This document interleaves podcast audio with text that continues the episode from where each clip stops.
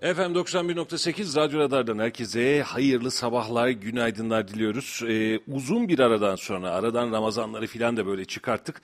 Ee, Ramazan boyunca sizlerle beraber olamamıştık ama Ramazan'ın ardından Yol Açık programıyla sizlere merhaba demiş olduk. Hepinize günaydınlar, hayırlı sabahlar, hayırlı günler diliyoruz efendim. Her birinize güzel bir gün, güzel bir hafta olsun, güzel bir ay olsun temennisiyle azmaz değil efendim. Yaklaşık 40 gün civarında sizlerden uzak kaldık ve bu süre zarfında... E, her birinizi ayrı ayrı özledik. Yayın yapmayı özledik. E, gerçi bizim Melihciğimiz bugün birazcık özlemi az hissetmiş olmalı ki birazcık gecikmeli gelecek. E, ama bunun öncesinde de sizlere merhaba demenin keyfini ve tadını çıkartıyoruz. Hepiniz hoş geldiniz, sefalar getirdiniz. Efendim ne yapıyoruz yol açıkta? Aramıza yeni katılanlar bir de eski hayranlarımız, eski birlikte beraber devam ettiğimiz, e, yola açık ettiğimiz sabah muhabbetini yaptığımız kardeşlerimiz var. Onlar bizi biliyorlar ama yeni arkadaşlarımız için de ufacık tefecik hatırlatmalar yapmamız lazım. Neredeyiz? 91.8 8 Radyo Radar'dasınız efendim. Kayseri'nin ilk ve tek haber radyosundasınız. Biz de sabah saatlerinde bu saatlerde başlayıp saat 9'a kadar size merhaba demenin Sizlerle keyifli muhabbetler yapmanın ve beraberinde de Kayseri'yi, Türkiye'yi, gündemi, siyasi, ekonomik e, veriler kapsamında ve haberler kapsamında değerlendirmenin tadını çıkartıyoruz. Aslında birazcık e, keyifli çıkartıyoruz işi. Şunun için keyifli çıkartıyoruz. E, günümüzün tamamında, içeriğimizin tamamında size merhaba derken ekonomiyi, siyaseti, yereldeki haberleri, ulusaldaki haberleri dahil olmak üzere her birini sizlerle paylaşmaya çalışıyoruz. Efendim bizim sabah yayınlarımızın ilk başlangıcı ne yazık ki e, Suriye e, çok özür diliyorum Ukrayna Savaşı'ndan bu tarafa e, rutin halde ve rutin itibariyle e, Brent petrol fiyatlarını takip etmek oldu. Çünkü her birimiz uzun zamandan beri ne yazık ki Brent petrol fiyatlarının açılımıyla ve Brent petrol fiyatlarının yükseliş ve düşüşleriyle cebimize yansıyan, toplam ekonomiye yansıyan e, ve tüm tot, e, totalde enflasyona yansıyan verilerle uğraşmaya başladık ve bu, bu verileri sizlerle beraber e, okumaya çalıştık. Şu an itibariyle sabah saatleri itibariyle bir piyasa rakamlarına bakalım. Efendim Brent petrol 112 dolar seviyesinde. Yani bizim sizlerle veda ettiğimiz Ramazan öncesindeki veda ettiğimiz son e, programlarla, son verilerle hemen hemen e, aynı formatta kalıyor ve Brent petrol fiyatı 112 dolar seviyesinde e, bizim için bir e, akış oluşturuyor. Güzel bir akış mı? Kesinlikle değil. E, şu an itibariyle her birisi 20 liranın üzerindeki akaryakıt fiyatları her birimizin neredeyse canına tak etmiş durumda ama Brent petrol de hiç gazdan ayağını çekmiyor. Yani totalde 100 dolarlar civarına filan oturan Brent petrol fiyatı şu dakika itibariyle 112 dolarlar civarına kadar çıkmış durumda ve bu da bizim yakıt fiyatlarında indirimden daha çok zam beklentimizin önünü açmış oluyor. Peki dolar euro fiyatlarına da bakalım dilerseniz 14.96 şu an itibariyle dolar fiyatı. Dolar son bir haftadan bu tarafa e, fena olmayacak derecede bir tırmanışla karşı karşıya kaldı ve şu an itibariyle 14.96 seviyesinde e, ki uzun zamandır görmediği üst seviyelerden bir tanesi oldu. Euro'da ise 15.73 gibi bir fiyat söz konusu. 15.73 e, bu da yine son dönemlerin yüksek fiyatlarından bir tanesi olarak gözümüze çarpıyor. Hafta yeni başladı. Tabii herkesin bir beklentisi var. Herkesin ekonomik anlamda da bir beklentisi var. Sonucu ne olacak acaba diye bekliyoruz. Ama şu anki rakamlar itibariyle vatandaşa yansıyan sonuç en azından bizim cebimize e, akaryakıt depomuza, e, rutinimize yansıyacak sonuç pek de böyle çok tatlı ve iç açıcı ve indirim bekletir cinsten değil. Altın yatırımcısı için de kötü bir haber, e, altın alacaklar için de belki de iyi bir haber 2000 dolar seviyesine kadar olan e, çıkmış olan altın şu an itibariyle 1875 dolar civarında altında bir düşüş yaşandı ve bu düşüş yeni yatırımcılar için bir yol açmış oldu. En azından bunun verisini ve belgesini vermiş olalım. Efendim inşallah tabii ki hakkımızda hayırlısı olsun ama e, sürecimizi rahat geçiririz. Sürecimizi rahat hazırlatır, e, atlatırız e, ve e, özellikle artan dolar fiyatları ve ons fiyatlarını hesaba katmış olduğumuz zaman da e, daha düşük fiyatlarla daha düşük düşük satın almalar yapabiliriz diye umut ediyoruz. Bu da günün fiyatları. Efendim günün fiyatları neyi değiştirecek? Ee, var olan hali hazırdaki Brent petrol yakıt fiyatları ve döviz fiyatları neyi değiştirecek bilinmez. Ee, ama piyasadaki var olan hali hazırdaki dengelerin çok olumlu değişmediği hemen hemen her, her birimiz için aşikar. Yaklaşık bir ay boyunca sizlerle birlikte değildik. Ee, sizlerle birlikte olmadığımız süre içerisinde biz Ramazan programları gerçekleştirdik efendim. Onat TV ile beraber yaptığımız Ramazan programlarımız vardı. Ee, şehrin hemen hemen hemen e, diyebiliriz ki her tarafını e, dolaştık ve gezdik. E, başkanlarla, ilçelerle, merkezde, e, yeri geldi şeker fabrikasıyla, yeri geldi muhalefetten insanlarla, e, yeri geldi ticaret odasıyla, Abdullah Gül Üniversitesi ile yayınlar yaparak size yayınlar ulaştırmaya çalıştırdık. E, biriktirdiğimiz çok şey var. Bunu da gün içerisinde ve bu hafta içerisinde tabii ki kısmen yer yer oluşturmuş olacağız ve bu oluşturduğumuz süreçleri de e, bir şekilliyle size ulaştırmaya çalışacağız. Bir fonumuz var mı altta girebileceğimiz? Hazırlanıyor. Peki. Hay hay. Efendim e, genel piyasalara ve haberlere bakacağız. Sizle beraber haberleri de değerlendireceğiz. İsterseniz kısa kısa başlıklar ve yorumlamalarla geçmiş olalım. Eee Cumhurbaşkanı Erdoğan son dakika açıklaması olarak gece yarısında geçen e, bir açıklaması var. Ordumuz hudut boylarında en ufak bir yanlışı fırsat vermedi dedi. E, ve bununla beraber de hali hazırda devam eden e, sınır ötesi operasyonlarımız ve ne yazık ki ara ara bazı dönemlerde kayıplara sebep olan operasyonlarımızın da e, bir anlamda biz yanlışa fırsat vermeyeceğiz efendim biz buradayız diyerek e, ayağını yeniden biz buradayız diyerek basmış oldu. E, önemli bir açıklamaydı ama tabii ki özellikle sınır dışında gerçekleşen operasyonlar zamanlarda e, kaybettiğimiz askerlerin acısını ve üzüntüsünü muhakkak yaşıyoruz. E, Rabbim onlara zeval vermesin, Rabbim onların ayağına taş değdirmesin ama sınırımızın güvenliği ve sınır ötesindeki güvenlik için belki de son yıllarda, son 5 yıldır, 6 yıldır belki de rutin olarak yapmaya çalıştığımız, onun öncesi de var ama son 5-6 yıldır daha hızlı ve e, çetin şartlarda yapmaya çalıştığımız sınır ötesi operasyonlar var. E, ve bu operasyonlarda e, halen devam ediyor. İnşallah tez zamanda e, terör bataklığı ve bu alandaki yapılanmaya çalışılan e, altyapı çürütülür ve yok edilir ve askerimiz sağ salim yurda dönmüş olur. E, ama e, süreçte yaşadığımız sıkıntıları, aldığımız şehit haberlerini ki geçtiğimiz günlerde biliyorsunuz Kayseri'den de bir şehidimiz vardı. Rabbim her birine gani gani rahmet eylesin. E,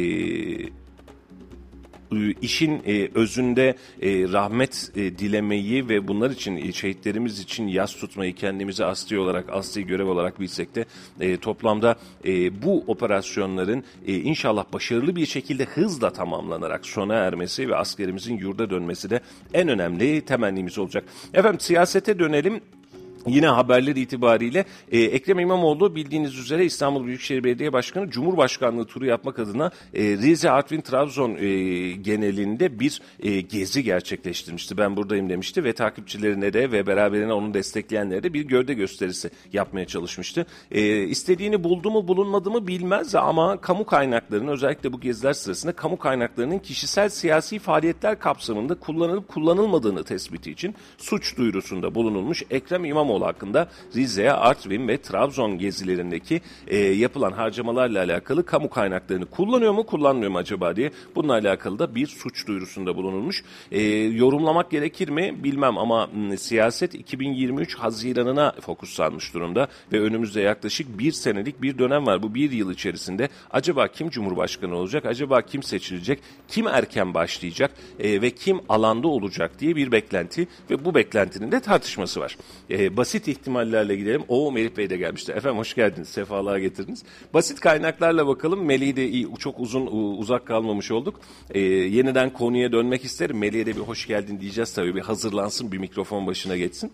Ee, 2023 seçimlerindeki oluşabilecek tabloyu belirlemek adına e, her birimiz büyük bir e, daha doğrusu merak içerisindeyiz. Yani e, Cumhur İttifakı'nın çıkartabileceği adayın kim olduğu ile alakalı tablo çok net ve aşikar. E, şu anda da hali hazırda Cumhurbaşkanı olan Recep Tayyip Tayyip Erdoğan Cumhur İttifakı'nın adayı olarak zaten daha öncesinden de ilan edilmişti. Gerek Devlet Bahçeli tarafından gerek AK Parti kaynakları tarafından ama beraberinde Millet İttifakı tek parça olarak kalacak mı? Masadan birer birer dostlar ayrılmaya devam edecek mi? Ve adayları kim olacak sorusu her birimiz için merak konusu. Ama e, toplamda bakarsak e, Ekrem İmamoğlu üzerine yapılan algı operasyonu çok rahat gösteriyor ki e, bu anlamda bir sıkıntımız var ve bu e, Ekrem İmamoğlu üzerinde birazcık daha yoğunlaşacak gibi görünüyor görünüyor ve şu anda da yapılan suç duyurusu ve suç duyurusunun habersel haberleştirilmesi de hemen hemen aynı noktaya gelmiş oluyor. Ekrem İmamoğlu muhtemel Millet İttifakı adayı olarak şimdilik ön plana çıkanlardan. Mehmetciğim hoş geldin. Hoş bulduk, günaydınlar. Seni buralarda görmek efendim ne kadar güzel, ne kadar güzel.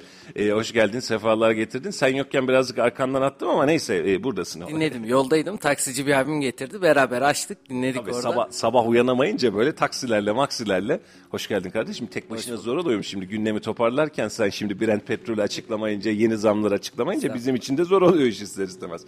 Peki Tabii uzun bir aradan sonra yeniden geldik buraya kaç gün oldu ara hatırlıyor musun? yaklaşık bir 40 gün oldu. Öncesinde bıraktık derken bir bayram izni de girdi araya. Ve Ramazan'la beraber 40 günlük aradan sonra alışmak da biraz zor oldu. Kütahya'ya gidenler gitmeyenler belli olsun kendini belli etsin. Uyandık ve uyandıktan sonra da bir baktım ki saat biraz geçmiş. Normal saatin erkeninde Ramazan'a göre erken ama bizim yayın saatlerine göre de biraz geç oldu. Ee, ama şimdi programa ilk başladığımız zamanları bir hatırla. Gece karanlığında geliyorduk. Yayının ortasında sokak lambaları hala yanıyor oluyordu. Hatta ilk programlarımıza geçen şöyle bir göz attım. Yüz küsür bölüm atmışız sonuçta. Ne yapmışız biz diye. Ee, hatırlıyorsun e, erkenden kapanan elektrik direkleri hadise sebebiyle birazcık hatta biz de tepkimizi belli etmiştik. Erken kapanan derken biz yayında bundan bahsediyorduk ve bunun sonucundan bahsediyorduk. Ama şu an itibariyle bildiğin e, pırıl pırıl bir günün içerisinde başlıyoruz güne. Saat 7 deyince böyle gün ağarmış oluyor. Çok da keyifli hale geliyor iş. Evet. Bundan sonraki yayın döneminde de gündüz bir havaya uyanacağız. Tabii o elektrik direklerini falan konuşmak için biraz epey bir süre geçmesi gerekiyor. Tekrar Aynen. kış gelsin falan ama yazın da tadını birlikte çıkartacağız. Hele hele son bir haftadır çekmiş olduğumuz kış, kar, e, yağmur, soğuk, e, gırcı, dolu filan derken e, bugün böyle bir havaya uyanmak hepimiz için e, gayet keyifli olmuş oldu. Evet Mayıs'a girdik ama yine soğuk havalar devam ediyor. Yani son iki günden beri biz üşümeye devam ediyoruz. Mart kapıdan baktırır diyorduk. Nisan'ı da geçti. Mayıs kapı falan bırakmadı. Artık kırdı geçti ortalığı. Kolonlardan, kirişlerden devam ediyoruz. E, ama bu hafta itibariyle baktığımızda şimdi hava tahminlerine bakıyorum. E, bu hafta Cuma gününe kadar e, güneşli ve parçalı bulutlu güneşli hava görünüyor. Hava sıcaklıkları sabah saatleri itibariyle 17-23 hatta 25 derece arasında değişecek.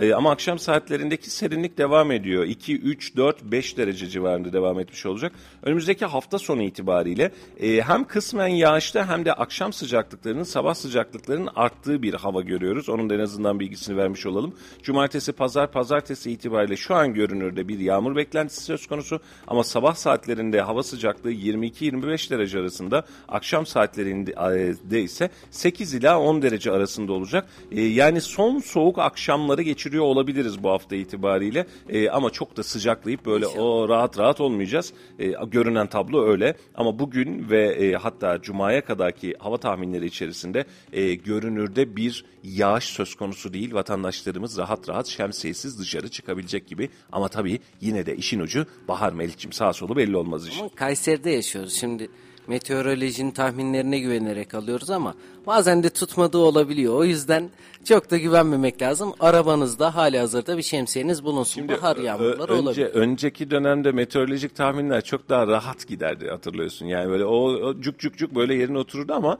e, son belki de 3-5 aydır benzeri bir sıkıntı sadece e, Kayseri özelinde değil ya da bölge özelinde değil Türkiye genelinde hatta dünya genelinde de yaşıyor. E, farklı bir dinamik mi gelişti bilmiyorum ama e, bazen böyle hiç yağmur yok derken yağmur altında kalabiliyoruz. Soğuk derken sıcağa gelebiliyoruz ama yine de e, meteorolojiye şu konuda hak vermek lazım. En azından takdir etmek lazım. E, don uyarısı, e, sağanak uyarısı, fırtına uyarısı. Bu uyarıların her birisi hemen hemen tuttu. E, bunu tutturamayan kamu e, görevlilerimiz oldu ama e, meteoroloji görevlileri bunu gayet yerinde tutturdular. E, hatta sayfadan da bizim e, Ahmet Bey de e, böyle bir gönderi paylaşmıştı hatırlıyorsun. Bu kadar bağırıldı biz de yayınladık. E, bu kadar fırtına sağanak beklenirken bunun altyapısını üst yapısını niye hazırlamadık diye böyle bir serzenişte bulunmuştuk da Kayseri Radar'dan. E, ama gördüğümüz tabloda birazdan onu da değerlendirelim. E, yağmur fırtınaya karşı Kayseri genelinde görmüş olduğumuz tabloda bizi çok rahatlatmadı. Altyapısal olarak da oh ne kadar güzelmişiz dedirtemedi ne yazık ki. Evet, ülke gündemine dönelim. Biz biraz uzun süredir ara vermiş bulunuyoruz ama ülke gündeminde sürekli takip ettik. Ne var ne yok. Özellikle son dönemde konuşulan mülteci krizi var. Evet. Kriz diyorum çünkü farklı gruplarda farklı algılanabildi ve ülke gündeminde tam ortasına oturdu. Şu an tek konuştuğumuz konu neredeyse konuşulan konu diyelim. Bizim değil sadece ama sosyal medyada inceliyoruz, haberlere bakıyoruz. Hiç tahmin etmediğimiz bu mülteciler dün gelmedi sonuçta. Evet. Bizle beraber yaşıyorlar ama hiç konuşmadığımız mevzular da ara ara gündeme gelirdi ve yeniden gündemde. Şu anda konuştuğumuz konular arasında ye- yerini alıyor. Biz de bunu tartışalım biraz. Aynen. Ee, aslında Melih bunu hep konuşuyorduk hatırlarsın. Daha önceki dönemde de konuşuyorduk. Ülkenin gündemi ne zaman normalleşti dersek mülteci hadisesi de tepemize tepemize basıyor. Yani bizim şu an yaşadığımız sıkıntı bu. Gündem ne zaman değişti? Biz de bu gündemle beraber yeniden mülteci krizine dönmüş oluyoruz. Şu anda da yaşadığımız tablo tam olarak bu. Üzgünüz ama yaşanan tablo bu. Yani evet bir mülteci krizimiz var mıydı? Kesinlikle vardı. Yani kesin itibariyle vardı. Ee, daha öncesinde konuşulan, daha öncesinde vatandaşın tepki gösterdiği aman kardeşim burada da şu sıkıntı var dediği to- total bir tablo vardı. Ama bu kez yani şu konuştuğumuz dönem itibariyle mülteci krizinin birazcık şekli değişmiş oldu. Mesela uzun bir aradan sonra hükümet ilk kez mültecilere karşı bir uygulama yapmak adına yani onları yeniden göndermek adına bir kapı açtı. Bu kapı ne kadar gerçekleşir ne kadar gerçekleşmek bunu gerçekleşmez bunu bizim için zaman gösterecek. Ama şu dakika itibariyle daha önceki dönemde yaşadığımız krizler ve yaşadığımız gündemlerle hemen hemen aynı. Şöyle düşünelim Ukrayna Savaşı'ndan önce ne konuşuyorduk? Kriz. Krizden önce ne konuşuyorduk? Mülteci krizi. Bunun öncesinde ne konuşuyorduk? Örnek olarak veriyorum Dışişleri Bakanlığı'nın bir uygulamasını konuşuyorduk. Onun öncesinde ne konuşuyorduk? Suriyeliler. Daha öncesinde ne konuşuyorduk? Suriyeliler. Suriyeliler meselesi, özelinde Suriyeliler meselesi ve sonrasında da Afganlılar meselesi e, bizde rutin olarak gerçekleşen gündem boşluklarında vatandaşın sürekli alttan gündem oluşturduğu, muhalefetin gündem oluşturduğu malzeme olarak karşımızda duruyor. Ve bu önümüzdeki dönemde de bu mantıkta devam edecek. Çünkü bu e, gündemi değiştirme, gündemi belirleme ya da gündem boşluğunda yeniden e, hani bir şeylerin üzerini kapatırsın ama birazcık normalleşirse rahatlar ya. O zaman iş tabloyu değiştirmiş oluyor. E, bundan kaynaklı olarak da biz önümüzdeki dönemde hükümetin de desteğiyle hükümetin de desteğiyle yani hükümet de konuya destek oluyor çünkü biz mülteci krizini ve mültecilerden nasıl kurtulacağız ihtimalini yoğun olanda yoğun oranda e, konuşacağız ve kullanacağız gibi görünüyor Meriç'im. E, dahası e, mültecilerin gönderilmesiyle alakalı biliyorsun yapılan açıklamalar var. Yani orası o kısım da e, gayet ilginçti. İşte onlar için 100 bin tane ev yapacağız. Onların gitmeleri için huzurlu ortam sağlayacağız vesaire gibi maliyetler verdi. Oraya ayrı bir parantez açalım ama ben şunu merak ediyorum. Çok geçmiş bir süre olmadığı için mültecilerin gelişini, geldikten sonra burada olmalarını her şeyiyle tam anlamıyla hatırlıyorum ben. Evet. O yüzden hiç bu kadar çok konuşulduğunu hatırlamıyorum ama. Çünkü bugün kabine toplantısı var. Akşam Cumhurbaşkanı başkanlığında toplanacaklar ve gündem maddeleri mülteci krizi. Nasıl geri gönderebiliriz? Ben hükümetin ve kabinenin mülteci krizini konuşacağını zannetmiyorum. Ee, ama şu an e, onlar bize dışarıyı için yani e, gündem ve kamuoyu için oluşturmuş olduğu bir tablo var. E, on, e, şu an hükümet bize şunu veriyor. Diyor ki e, biz mülteci kriziyle alakalı hareket ediyoruz ve bunları göndermek için tamam biz de sizle hemfikiriz uygun şartlar altında. Irkçılık yapmadan gerekli dinamikleri sağlayarak biz mültecileri göndermek fikrindeyiz diyor. Peki bu yeni bir karar mı? Aslında değil. Daha önceki konuşmalarda da hükümetin sürekli olarak aynı açıklamalar var. Evet biz mültecileri göndereceğiz. Evet yeri, yeri geldiğinde orada güvenli ortam oluşturduğunda göndereceğiz. Bak bu kadarını gönderdik bu kadarını daha göndereceğiz. Bunu sürekli olarak söylediler zaten. Ama şu an itibariyle hükümet muhalefetten gelen ve vatandaştan gelen kamuoyu etkisini ve bunların anketlere dönüş etkisini çok rahatlıkla görmüş olduğu için şu dakika itibariyle diyor ki evet biz göndereceğiz. Haberiniz olsun. Evet git, gitmeye gidecek. Ama ne zaman gideceğiyle alakalı, bunun takvimiyle alakalı önümüzde netlikler yok. Sadece şu an kamuoyunda oluşan anti mülteci e, baskısını ya da algısını delmek adına, deşmek adına evet biz bu mültecileri göndereceğiz söylemi öne atıldı. Yani ne zaman bunu netleriz? Otobüslerle, kamyonlarla, tırlarla geldikleri gibi mülteciler gitmeye başlarsa Evet tamam biz bu işi çözmüşüz mülteciler de gidiyor diyeceğiz. Ama sokağın halini biliyoruz Meri. Ee, Suriyelilerin halini biliyoruz yani görüyoruz. Suriyelileri e, şu an var olan yerlerinden, var olan iş imkanlarından zoraki bir şekilde göndermeyeceksek nasıl göndereceğiz? Yani adam iş yerini açmış. Çocuğu burada okumuş, ilkokulu burada bitirmiş. Burada iki tane, üç tane daha çocuk yapmış. E, burada çalışmaya başlamış, kendisine rahat bir düzene kalmış. E, nasıl git diyeceğiz bu insanlara? Hatta bir bazılarına vatandaşlık vermişiz. Geçtiğimiz günlerde Süleyman Soylu bununla alakalı bir açıklama yapmıştı hatırlıyorsun. Şu kadar insan şu oldu vesaire, şu kadar doğdu diye. Bunlar bildiğimiz resmi rakamlar.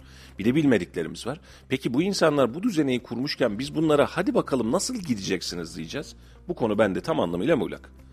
Yani e, beğenmesek de çok fazla zamanında kıssak da Bolu Belediye Başkanı Tanju muydu, Tanju Özkan mıydı? Tanju Özkan'ın dediği noktalara doğru geleceğiz gibi. Yani biz onların gitmeleri için, alanlarını daraltmak için çeşitli yaptırımlar yapmaya çalışacağız kendimizce.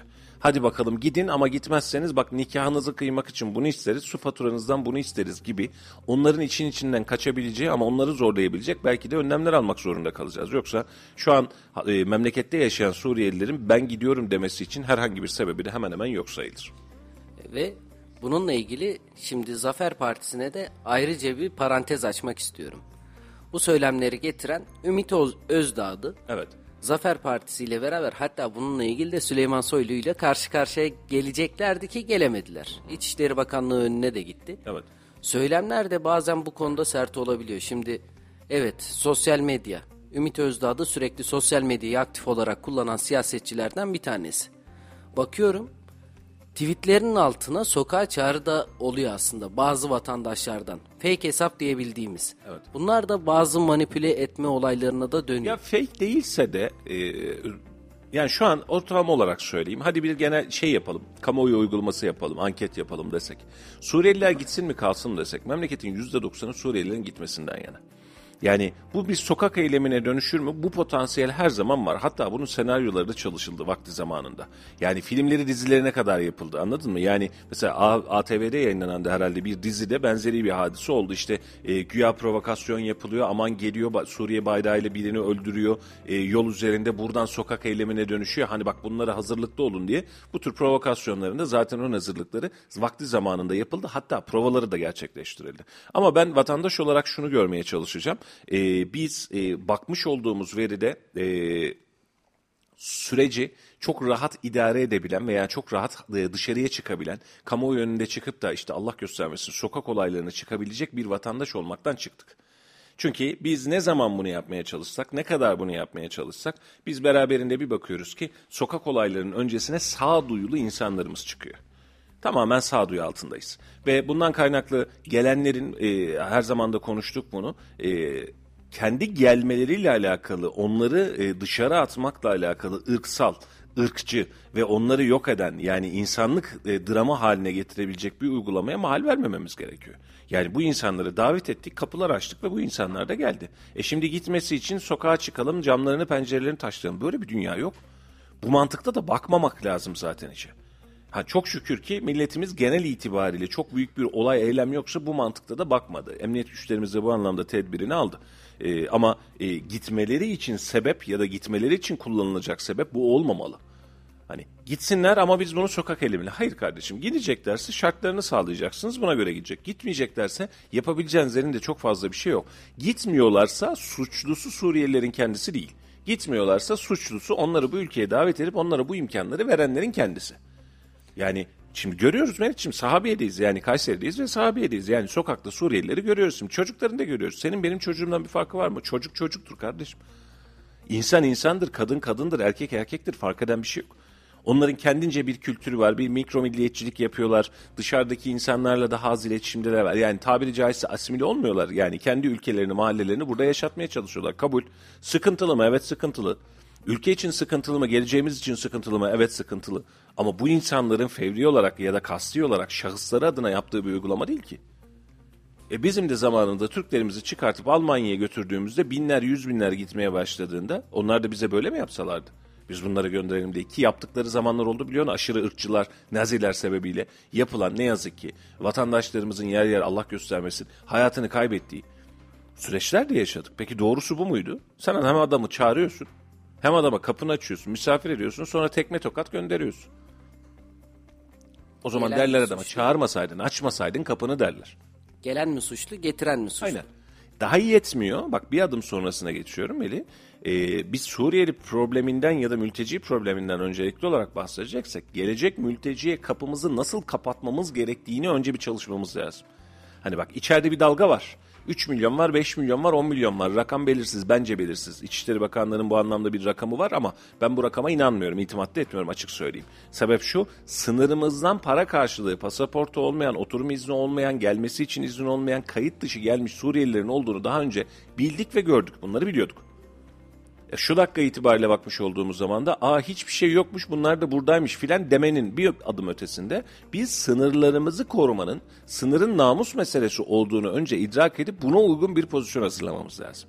Yarın bir gün Pakistan'da, yarın bir gün Afganistan'da, yarın bir gün Ermenistan'da, yarın bir gün Suriye'de, Irak'ta, İran'da yaşanabilecek herhangi bir hadise karşısında bizim sınırımızın ve vatandaşlık hakkımızın oldukça güvenli hale getirilmesi lazım. Önce bunu yapacağız. Bunu yaptıktan sonra döneceğiz diyeceğiz ki ha bak biz bunu yaptık ama buradan da şu noktaya gelmemiz lazım. İçeridekileri de nasıl azaltırız? Bunu belirlememiz lazım. Yani verilerle konuşacaksak evet elimizde bir veri var ama bununla ilgili bir çalışma da yapılması lazım. Evet UNICEF destekli geliyor buradan işte ücretlerini biz vermedik vesaire diyoruz ama bununla ilgili çalışma yapıyorsak bu saatten sonra gelecek mültecilere Afganistan'da savaş çıktı gel kardeşim dedik. Ukrayna'da çıktı gel dedik. Suriye'den hala gelmeye çalışan göçmenler var. Aynen öyle. Kaçakları yakalayabildiğimiz kadar emniyet güçlerimiz geri göndermeye çalışıyor ama çok büyük çalıştaylar lazım. Bununla ilgili devrim niteliğinde dediğimiz nitelikte bir çalışmalar yapılması lazım ki geri göndermemiz için. Çünkü muhalefet cephesinden, ana muhalefetten özellikle Kemal Kılıçdaroğlu evet biz iki yıl içerisinde göndereceğiz diyordu. İstanbul İl Başkanı Canan Kaftancıoğlu çıktı dedi ki hepsini göndermek mümkün değil hukuksal değil. boyutta. Mümkün değil. Hukuken mümkün değil. Ve bir de bak biraz önce çok güzel bir şey söyledin. Şimdi sen sınırını rahatlatırsan yani sınırdaki pozisyonunu ve güvenliğini hızlandırırsan ve sıkılaştırırsan içerideki kayıt dışılarla başlarsın mesela ilk olarak atmaya. Kardeşim sen kayıt dışı gelmişsin, kanunu çiğnemişsin. Ben seni sınır dışı ediyorum deme hakkın var mı? Var. Gönderirsin, gönderirsin gider. Gönderdiğin adam geri gelebilecek mi? Eğer güvenliğin varsa geri gelemez. Peki şu an bunu yaparsan bir anlamı var mı? Tuttuk adamı, gönderdik, Suriye'ye attık. Sınırdan kapı dışı ettik. E öbür taraftan geri giriyor. Giriyor bu adam. Yani denizden giriyor, karadan giriyor, havadan giriyor. Her türlü giriyor. Yani hatırlıyor musun bilmiyorum. Yani bu, bu o cümle çok enteresandı. Ee, biz Avrupa ile restleştiğimiz dönem içerisinde mültecileri sınıra doğru, Avrupa sınırına doğru ile, it, itelemiştik. Hani gitsinler diye. Onlara daha doğrusu itilemiştik derken gidebilirsiniz. Biz size imkan sağlayacağız demiştik. Yunanistan sınırında ve Ege boylarında mülteci krizi yaşanmıştı. Hatırlıyor musun? Hani gittiler Evet, gidecekler. Edirne'de. Hani yollarda dizilen o böyle yüzlerce binlerce mülteci gitmeye çalışıyor falan. Bu, bu dönemi hatırlıyoruz ama. Peki onun sonrasında ne demişti? Ya çok abartılacak bir kriz yok dediler. Yani zaten yıl içerisinde şu kadar insan bu kapıdan çıkmaya çalışıyor. Abi çıkmaya çalıştığı kapı bizim kapımız.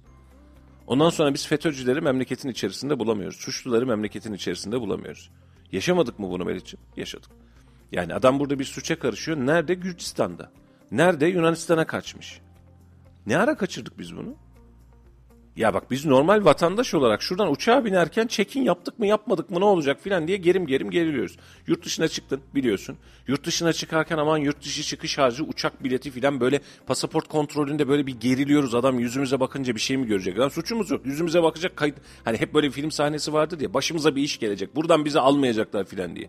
Biz bu tedirginlikten geçerken birileri elini kolunu sallaya sallaya benim sınırımdan içeri giriyor. Benim sınırımdan da dışarı çıkıyor. Bizim mülteci meselesini çözmek için ana eksenimiz, ana temelimiz şu. Önce sınır güvenliğini bir halledeceğiz. Sınırımızı e, kurşun geçirmez hale getireceğiz. Ondan sonra oturalım düşünelim. Diyelim ki biz mülteciyi nasıl göndeririz? Göndermenin şu an hiçbir anlamı yok. Bununla ilgili Cüneyt Özdemir'in geçen güzel bir söylemi var. Diyor ki evet biz geliyorlar buraya kaçak olarak burada yaşıyorlar. Ya diyor Afganistan'a gittiğinizde şu an savaşın olduğu Taliban'ın kontrol ettiği Afganistan'da ülkeye girişlerde Taliban vize istiyor. Ya. Kimin olduğunu biliyor. O yüzden onlar bile bu kadar dikkat ediyorsa bizim de dikkat etmemiz lazım. Prosedürde bizim de kaynaklarımız sağlam. Melih'ciğim şimdi vizemiz, e, girişte hangi pasaportun gireceği, giriş kayıtları, çıkışlar bak bunlar sağlam. Ama şu şartla otobüsle doğru düzgün giriyorsan, uçakla doğru düzgün giriyorsan, deniz yoluyla doğru düzgün giriyorsan, legal yollardan giriyorsan tamam bunlar da vakıfsın. Yani şu an az örnek olarak veriyorum e, İstanbul Havalimanı'na yurt dışından gelen insanlar neyle geliyoryu görebilirsin. Kim gelmiş, hangi dakikada kim gitmiş, hangisi çıkış yapmış, hangisi giriş yapmış görebilirsin. Ama havalimanından girerse. Ama bu mültecilerin hiçbirisi bize uçakla filan gelmiyor. Yani sınırımızdaki karayolu alanlarından müsaade ediliyor, göz kırpılıyor, bu ticarete döndürülmüş, birileri bu işten para kazanıyor, adam kaçakçılığı, insan kaçakçılığı yapıyor, kamyona bindiriyor getiriyor, tıra bindiriyor getiriyor. Yani bir tır dolusu adamın indiği görüntüler hatırlıyorsun sosyal medyada viral olmuştu bir dönem. Bu adamlar nasıl geldi buraya? Yani sınırdan geçerken ben hayvan taşıyorum diye mi girdiler içeriye? Onu bile kontrol edersin. Veteriner kontrolü vardır. Nasıl girdi bu insanlar içeriye? Oturup bunun cevabını vermek lazım. Bunun için biz mülteciler konusunda e, istiyor muyuz? Hayır hiçbirimiz istemiyoruz. Yani açıkçası ülkemizde e, 3, 5, 10, 50, 100 ya da 1000 kişiden bahsetmiyoruz. Milyonlarca kişinin oluşturduğu bir grupta mülteciyi hiç kimse istemiyor. Bunun artık hükümet de çok rahat farkında. Peki bunlar gönderilebilecek mi? Gönderilemeyeceğinin, kolu, elini kolunu sallayarak gitmeyeceğinin sen de biz de hükümette, muhalefette herkes bu işin farkında. Yani böyle bir dünyanız yok. Zorla gönderemezsiniz. Almışsınız, zorla gönderemezsiniz. Ha bunun için hükümet diyor ki biz onlara ev sağlayacağız oradan vesaire yapacağız. Adam almış zaten buradan evini. Yani MA plaka, MB plakalı araçları biliyorsun ya ben bir, yani senin benim bilmediğimiz araçlar oluşmaya başladı. Ya geçen gün bir baktım MA plakalar 4 taneli zaten bir 10 bin tane araç alt, atmış yani e, sahip olmuş sadece Kayseri için söylüyorum. MB plakaya geçmiş onda da 2000'ler filan civarında benim gördüğüm. Yani 10-15 bin tane aracı olan beraberinde şehrin belli bölgelerine mesela Aydınlık Evler Küçük Mustafa, e, Sahabiye, Argıncık, Eskişehir Bağları bu tür bölgelerde bildiğin hani e, kendi içinde köy oluşturabilecek belediye başkanı yani köy olsa mahalle kurtarsa belediye başkanı seçebilecek e, gruplar oluşturmuşsun. E bunun Şimdi sonrasında bir habere baktım. Geçen sene Nisan ayında yayınlanmış. Hatta kaynağını da verelim. Mülteciler Derneği'nin rakamlarına göre Kayseri'de geçen sene Nisan ayı itibarıyla 79 bin mülteci varmış. bu resmi rakam. Evet resmi rakam. Resmi rakamımız 70. Ya büyük rakam. Yani 79 bin bildiğimiz bir de Kayseri'de olmayıp Kayseri'den devam edenler var ya. Hani adam Kayseri'de değil, kaydı da Kayseri'de değil ama Kayseri'den de devam ediyor. Hani bir şekilde rutini devam ediyor. E bunlarla beraber e, bakmış olduğun zaman 100 bin kişi desen şehrin %10'una tekamül eder. Az bir rakam. Yani yarın bir gün biz bunları legalleştirip işimize hani şey vardır ya Kayseri seçimlerinde. Bir tane Sivaslı milletvekili olacak, bir tane Yozgatlı olacak, bir tane Avşar olacak, bir tane bil hani hep bu vardır ya listelerde. Bir tane artık Suriyeli koymamız yüzde on abi. Az bir rakam değil. Bu kadar insanı oluşturduğun zaman bunun e, seçime etkisi, yerleşime etkisi, çevreye etkisi, kültüre etkisi, her birinin etkisi ayrı ayrı değerlendirilir. Ve bu insanları bu hale ve yine söylüyorum gelen Suriyeliler mi kabahatli? Kesinlikle değil kabahatli olan kısım gelen Suriyeliler değil. Sen kapıyı açmışsın. Adamın savaşı varmış gel kardeşim demiş. Gelirken adın ne sana ne dememişsin. Sınırından atlamış, duvardan atlamış, kapıdan atlamış. Neyse içeri girmiş artık yapacak bir şey yok demiş. Şu an itibariyle çok ağır suçlar yoksa sınır dışı etme politikasını bile durdurmuş. Yani ancak bu sosyal medyada muz yiyenler vesaireler var ya böyle artık hani hepimizin gözüne gözüne batan tipler var ya sadece bunlar sınır dışı ediliyor. Şu an bu insanlar burada yapmış oldukları suçlarla alakalı sınır dışı edilmiyor. Ha, duruyorlar seninle benimle beraber. Beraber yaşıyoruz. Beraber yaşıyoruz. Hani kanuni olarak bizim yaptığımız birazcık sinir ucu hassas noktalar belki Melih ama yani biz bunu çok konuşacağız. Daha da konuşacağız. Bundan 5 yıl sonra da konuşacağız. Ve her fırsatta konuşacağız. Bak bu mülteciler diyeceğiz. Bak bunlar diyeceğiz. Bak bunlar başımıza bela oldu diyeceğiz. Birileri çıkacak orman yangınında Suriyeliler mücadele etti diyecek. Onu bize güzelleştirmeye, güzelleme çalışmasına e, çıkartacak. Biz insanların kötü olduğundan bahsetmiyoruz ki. Sadece mesele kötü olmaları değil ki. Bu kadar nüfus yoğunluğunu hangi ülkeden alırsanız alın sizin için başınıza bela. Ya mesela şimdi mesela Ukrayna'dan da gelenler var değil mi? Siz alın 5 milyon tane Ukraynalıyı görün gününüzü. Sizin yapınız değişir. Değişir. Bak şu an Suriyelilerle alakalı mesela hani buradaki mültecilerle alakalı şikayetçi olduğumuz yerler var tamam mı? Hani e, ahlaklıları, temizlikleri, kültürleri vesaire. Şimdi Avrupalı gelince mutlu oluruz mesela değil mi? Daha hani böyle şey var ya savaşın başında da öyle vardı hatırlıyorsun. Sarı saçlı filan böyle. Yani böyle bir tipler geldiğinde daha mutlu oluruz gibi filan görünüyor. Abi geç. Senin kültürünü değiştirir. Senin e, demografik yapını değiştirir. Senin ahlakını değiştirir. Ne tarafa doğru değiştireceğini bilemezsin ama değiştirir. Bir tanesi koyu dinciliğe doğru getirir. Bir tanesi koyu işte katolikliğe doğru ya da protestanlığa doğru geliştirir. E, yüz, yani 3,5-4 milyon sadece bilinen resmi rakamdan bahsediyoruz. yani tahmin ediyorum bu benim tahminimdir ki yani herhangi bir kayıt içi tahminden bahsetmiyorum. 5 milyonun üzerinde Suriyeli ile yaşıyoruz ülkede. E yaklaşık yine Türkiye nüfusu üzerinde yüzde sekiz, yüzde ona tekamül etmesi anlamına geliyor bu rakamın. Nasıl gözümüzü mü kapatalım şimdi? Suriyeli getirsen, Afgan da getirsen, Ukraynalı da getirsen, Ugandalı da getirsen, Alman da getirsen senin için sıkıntı. Evet. Yani bununla ilgili ne kadar konuşursak konuşalım yapılacak şey belli. Evet. Bunu devlet yetkilileri önlemini alacak, kendileri konuşacaklar, politikalar izlenecek ve biz de vatandaş olarak devletin aldığı politikalara tamam diyeceğiz uyuyoruz. Evet. Ama bununla ilgili de tepkiler sosyal medyadan çok fazla geldi. Çünkü şu an sesimizi duyurabildiğimiz kaynak sosyal medya. E vatandaş normal sokağa çıkıp da ya böyle bir sorunumuz var diyemediği için sosyal medyadan yazıyor. Bunu da devlet yetkilileri görmüş olacak ki hükümet kanadından da buna cevap geldi. Çünkü yaklaşık bir buçuk ay öncesine kadar Cumhurbaşkanı Erdoğan dedi ki biz Suriyelilerle ilgili bir politikamız yok. Geride göndermeyeceğiz dedi. Biraz da muhalefetle çatışma nedeniyleydi. Ama baktığımızda 40 gün sonra bu söylem değişti. Biz geri göndermek için gereken ne varsa yapacağız söylemine doğru da döndü aslında. Çünkü vatandaşın bir rahatsızlığı var burada. Ya bunu hep söylüyoruz ya Mehmetciğim. Halka rağmen bir şey yapamazsın. Mesela önce halk. Halk çözer, halk devam eder, halk alır ya da halk almaz. Bu kadar. Bak bir ay boyunca, Ramazan boyunca Kayseri'deki tüm ilçeleri gezdik. Doğru mu? Evet. Suriyeli gördün mü ilçelerde? Yok. Yani gördüm desem haksızlık etmiş olurum. O kadar az ki. O kadar az ki. Halbuki bak yerleşim alanı var. Var mı? Var. Tarım alanı var. Var mı? Var. Çalışabilecekleri alanlar var. Yani e, daha ucuza yaşayabilirler. Ama şu an onların derdi bu değil.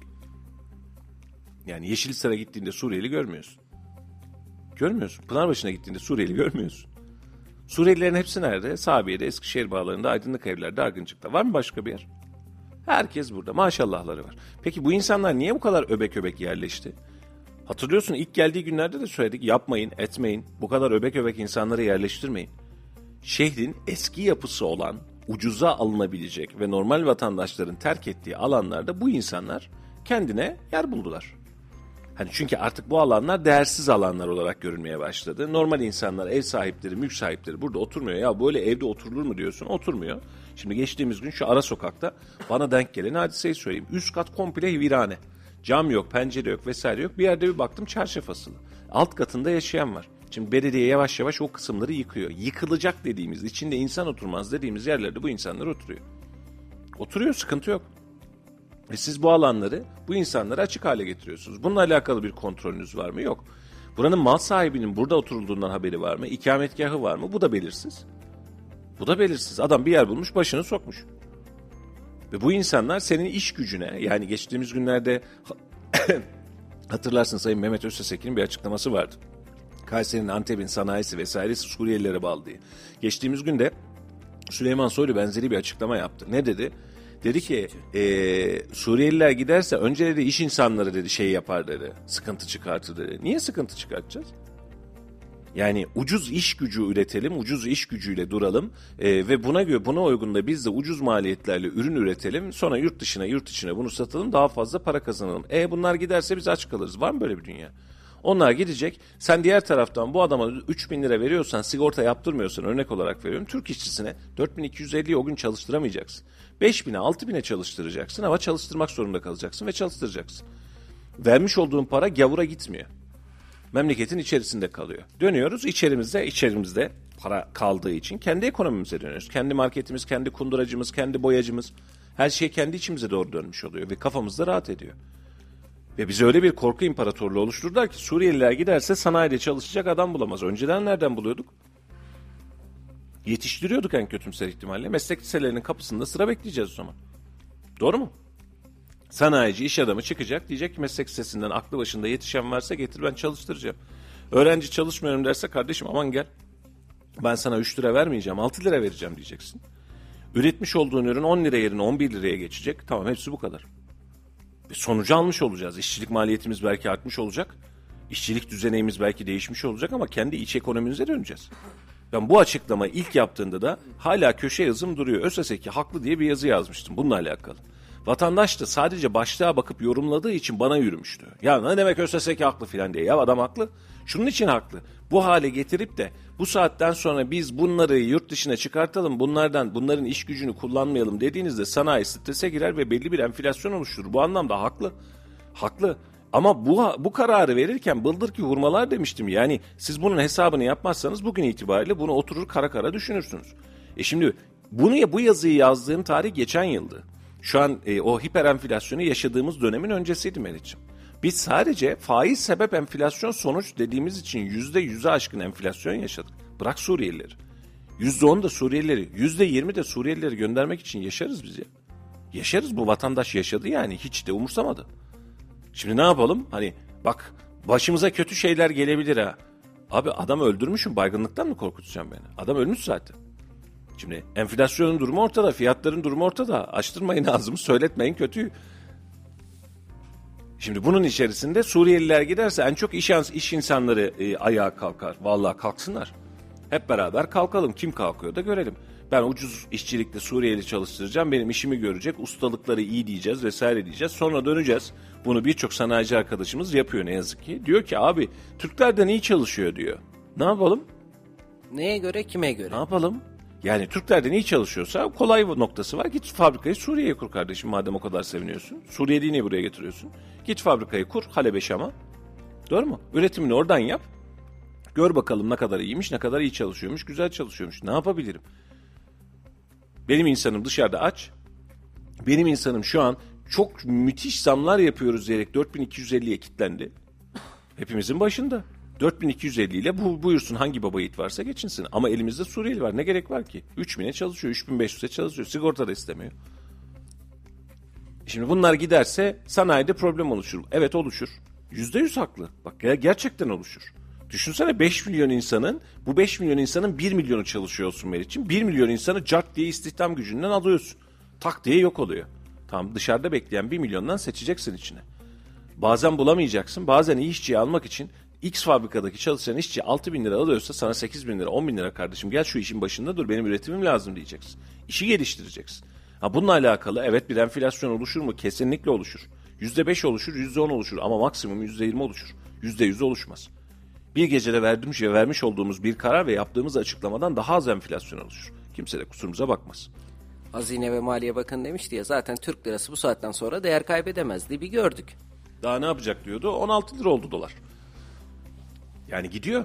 14 küsür oldu şey özür diliyorum 16 diyorum. 14 küsür oldu 14.90 sabah saatleri. Serbest piyasada şu an 15 liranın üzerinde doların satışı var kardeşim.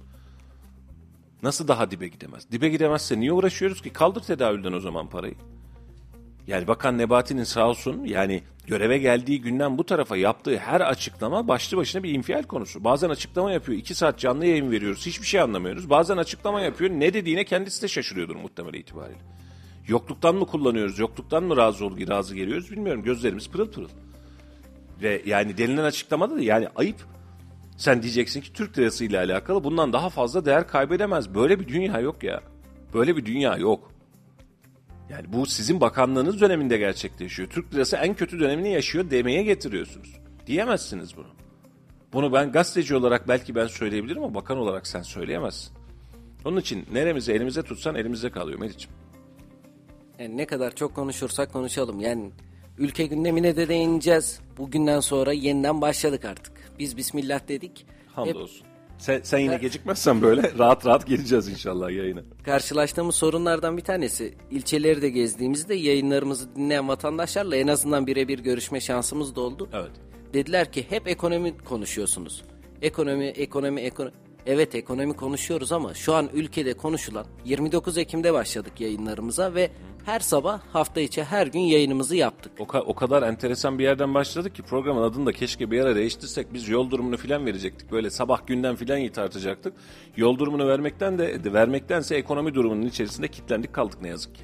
Ve başladığımız tarih dediğim 29 Ekim. Üzerine Kasım geldi. Kasım, Aralık zaten patladığımız dönemlerde böyle bize özel gibi olmuş oldu ve başka bir şeyde konuşacak halimiz kalmadı. E, mesela şeye baktım sen gelmeden önce de yayına gelmeden önce de Brent petrol fiyatlarına baktık. Ay sonunda biliyorsun Ramazan'ın başlangıcında bıraktığımız fiyat da aynı fiyatta. Biz aynı yerde duruyoruz hala. Bir iniyor, bir biniyor, bir iniyor, bir biniyor. O zaman da söyledik, şimdi de söylüyorum. Hani Rusya-Ukrayna savaşı diyerek öne aldığımız noktada savaşla alakalı haberimiz neredeyse minimum. Hani çatıştı, şurayı ele geçirdi, şurayı aldı, şuraya gitti, şu oldu, bu oldu. Haber bile almıyoruz değil mi şu an itibariyle? Ama e, savaşın ekonomik buhranı ve ekonomik yansıması sürekli devam ediyor. Mesela petrol fiyatları birazcık normalleşiyor. E, Avrupa Birliği ya da Amerika açıklama yapıyor. Diyor ki Rusya'ya petrol ihracatını şöyle şöyle yapacağız diyor. Bak bir şey yapmıyor, açıklama yapıyor. Hop petrol piyasası artıyor. Talebi e, çok fazla karşılayamıyoruz diyor. Birisi pat oradan artıyor. Savaşın ve pandeminin maliyetini şu an dünya ekonomi liderleri zirvesi e, neredeyse tüm insanoğlundan, Türkiye dahil tüm dünyadaki insanoğlundan finanse ediyor. Hop geri alıyor. Gel bakalım diyor. Yani sen bir, bir iki yıl biz buna maliyet ödedik kendi kafamızdan ülkeler olarak. ilaç firmalarını zengin ettik. Maske firmalarını zengin ettik. Ee, ondan sonra e, şey bu hava aldıkları işte solunum cihazı üretenleri zengin ettik. Sağlık sektörünü zengin ettik. Biz bunları yaptık. Şimdi de bunun acısını çıkartma zamanı diyor. Bir burada bir savaş var ama bizim silah almamız lazım. Bunun da acısını çıkartma zamanı ya da silah satmam. Ya öyle bir handikapa düştük ki tefecinin eline düşmüş gibiyiz şu an. Bunun sorumlusu sizsiniz diyor. Aynen öyle. Bak yemin ederim tefecinin eline düşmüş gibiyiz tüm dünya olarak ya. Böyle bir yani bu böyle bir sisteme hiyerarşisi olamaz. Ve dünya kafasını kaldırmaktan aciz açlıktan. Ne yapacağını bilmiyor. Şimdi bayram vardı arada. Bayramda benim gurbetçi bir akrabam varmış. Hani çok muhabbetim yok ama var biliyorum. Hani e, işte oradan emekli olmuş filan. E tabii ki o bizim sokak röportajında karşılaştığımız gurbetçiler gibi sağ olsunlar. Mustafa'cığım diyor bizim oradaki benzin çok daha pahalı diyor. Ne kadar abi dedim. Yani ne kadar sizin orada benzin dedim. 2 euro 2 euroyu geçti dedi. Avro. Ha 2 avroyu geçti dedi. Haklısın abi dedim. Emekli maaşı ne kadar alıyorsun dedim. Emekli. 1000 avro alıyorum dedi. Amcam dedim bak senin aldığına, senin aldığın maaşla senin orada 500 litre yakıt alınıyor. Doğru mu dedim? Haklısın dedi. Bizim buraya geldiğinde 500 litre yakıt almak için 10 bin lira almam lazım. Doğru mu dedim? Ha öyle mi yapıyor dedi. Bizim burada emekli maaşı kaç lira dedim. Babam da emekli ya. Yanında oturuyordu. İşte e, 3000 küsür lira alıyor. Normal, normal taban maaşı 2500 de o şu an 3000 küsür lira alıyor. Başka sorun var mı dedim. Ama diyor bizim orada ev kiraları e, pahalı diyor. Tamam haklısın dedim. Yani çok haklısın ev kiraları pahalı ama sen ev kirası dışında aldığın rakamlar. Şimdi bunlara dönünce he diyor he öyle değil diyor. Şimdi tüm dünyayı etkiliyor mu sistem? Evet tüm dünyayı etkiliyor. Hepimizi derinden etkiliyor. Yani şu gerçek hükümet kanadından kim ne söylerse söylesin yüzde yüz katıldığım gerçek şu. Tüm dünyada aynı sıkıntı var. Tüm dünya kötü bir tefecinin eline düşmüş gibi. Kıvır kıvır kıvranıyoruz. Ama bizim haricen bir de dolar euro krizimiz ve faiz krizimiz oluştuğu için tüm dünya %10, %20, %30 mu acaba enflasyon diye konuşurken biz %70'leri bulduk resmiyette ama e, Enag'ın araştırmasına göre biz %150'yi geçtik. %150. Yani reel veri ve piyasadaki veri diye bakmış olduğun zaman %150 geçtiğimiz ay itibariyle Enag'ın açıklamış olduğu veri. Daha ne diyelim ki buna? Şimdi ondan sonra ya da bizim resmi verimizden bakalım yüzde yetmiş. Doğru mu? Adam diyor ki bizim enflasyonumuz yüzde on diyor. Vay be diyoruz. Yüzde yetmiş ya yedi katı. Bizde yedi katı. Şey oluyor ya bir de televizyon programlarında bu tartışılıyor. Ekonomistler çıkıyor, profesörler çıkıyor. Diyor ki 100 liraya aldığınız bir ürün Amerika'da %7 enflasyon var. Yani diyor 700 liraya aynı poşeti dolduruyor diyor. Ha, o, o bir hengameydi zaten. Twitter gündeminden bir patladı. Neydi hatta vekil miydi bir şey miydi neydi öyle bir şeydi herhalde. Genel grup başkan vekili ya da Ö- genel ö- başkan öyle bir hadiseydi. olması. Ya aslında herkes veriyi biliyor. Şimdi bak e, bayramdan önce de hep bunu konuşuyorduk ya Mehmetciğim. Umutsuz olmamak lazım. Kesin. E, umut etmek lazım ve ülkeyi düzeltmek için toparlamak lazım. Toparlanmak da lazım. Bunu yapmak için mesela Suriyelilerden bahsediyorsak biraz önceki verdiğimiz örnek bu bizim örneğimiz. E, ama bu işin uzmanları var. Bu işi nasıl toparlarızın bir bilim kurulu oluşmalı. Ekonominin bir bilim kurulu oluşmalı. Gözleri çok güzel bakıyor, ışıl ışıldı diyebilecek bir bilim kuruluna ihtiyacımız yok bizim. Bizim gerçekten ekonomiyi nasıl düzeltirizin sonucunu bulabilecek bir veri akışa ihtiyacımız var. Bak ilçe ilçe ilçe gezdik doğru mu? Şehri gezdik. Yani kırsalına da baktık biz bir ay boyunca bu, bu, bu memleketin.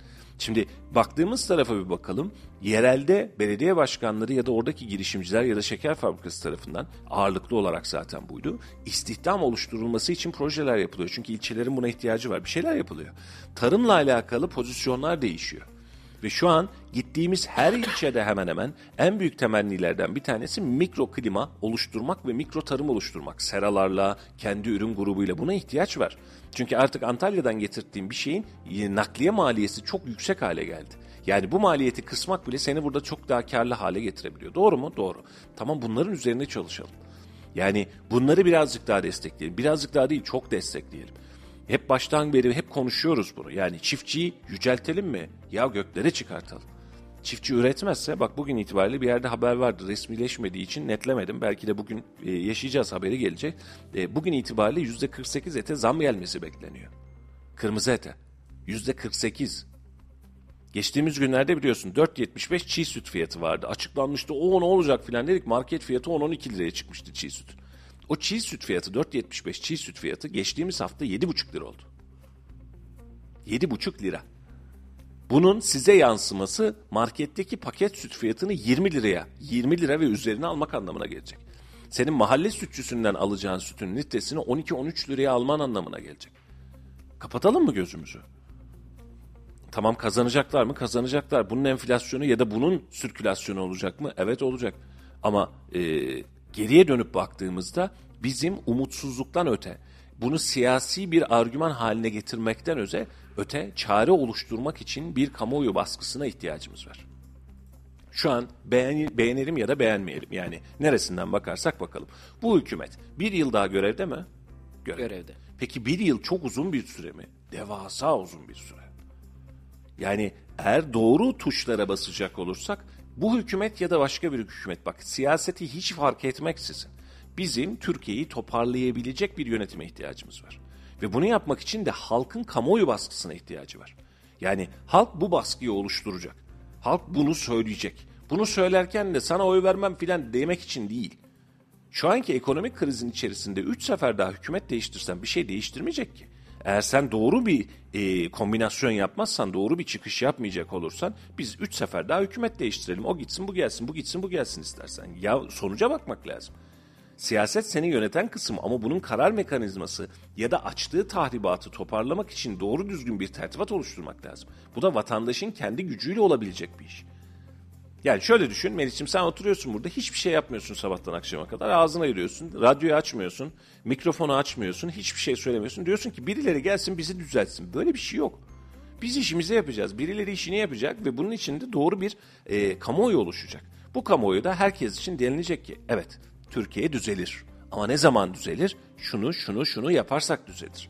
Türkiye toparlar ne zaman toparlar şu noktaya kadar gelirsek toparlar. Mesela tarımda bunu yapmalıyız. Sanayide bunu yapmalıyız. Turizmde bunu yapmalıyız. Dış ticarette bunu yapmalıyız. Kendi iç güvenliğimizde bunu yapmalıyız gibi gibi gibi. Eğer bunları yaparsak karşımızda bir yol var Melih. Ama eğer bunları yapmayacak olursak e, havanda su dövmek gibi. Sadece basit siyasi kavgalara dönüştürürüz işi. Yarın bir gün başka bir hükümet gelince kurtulacağız umudunu birileri bize verir.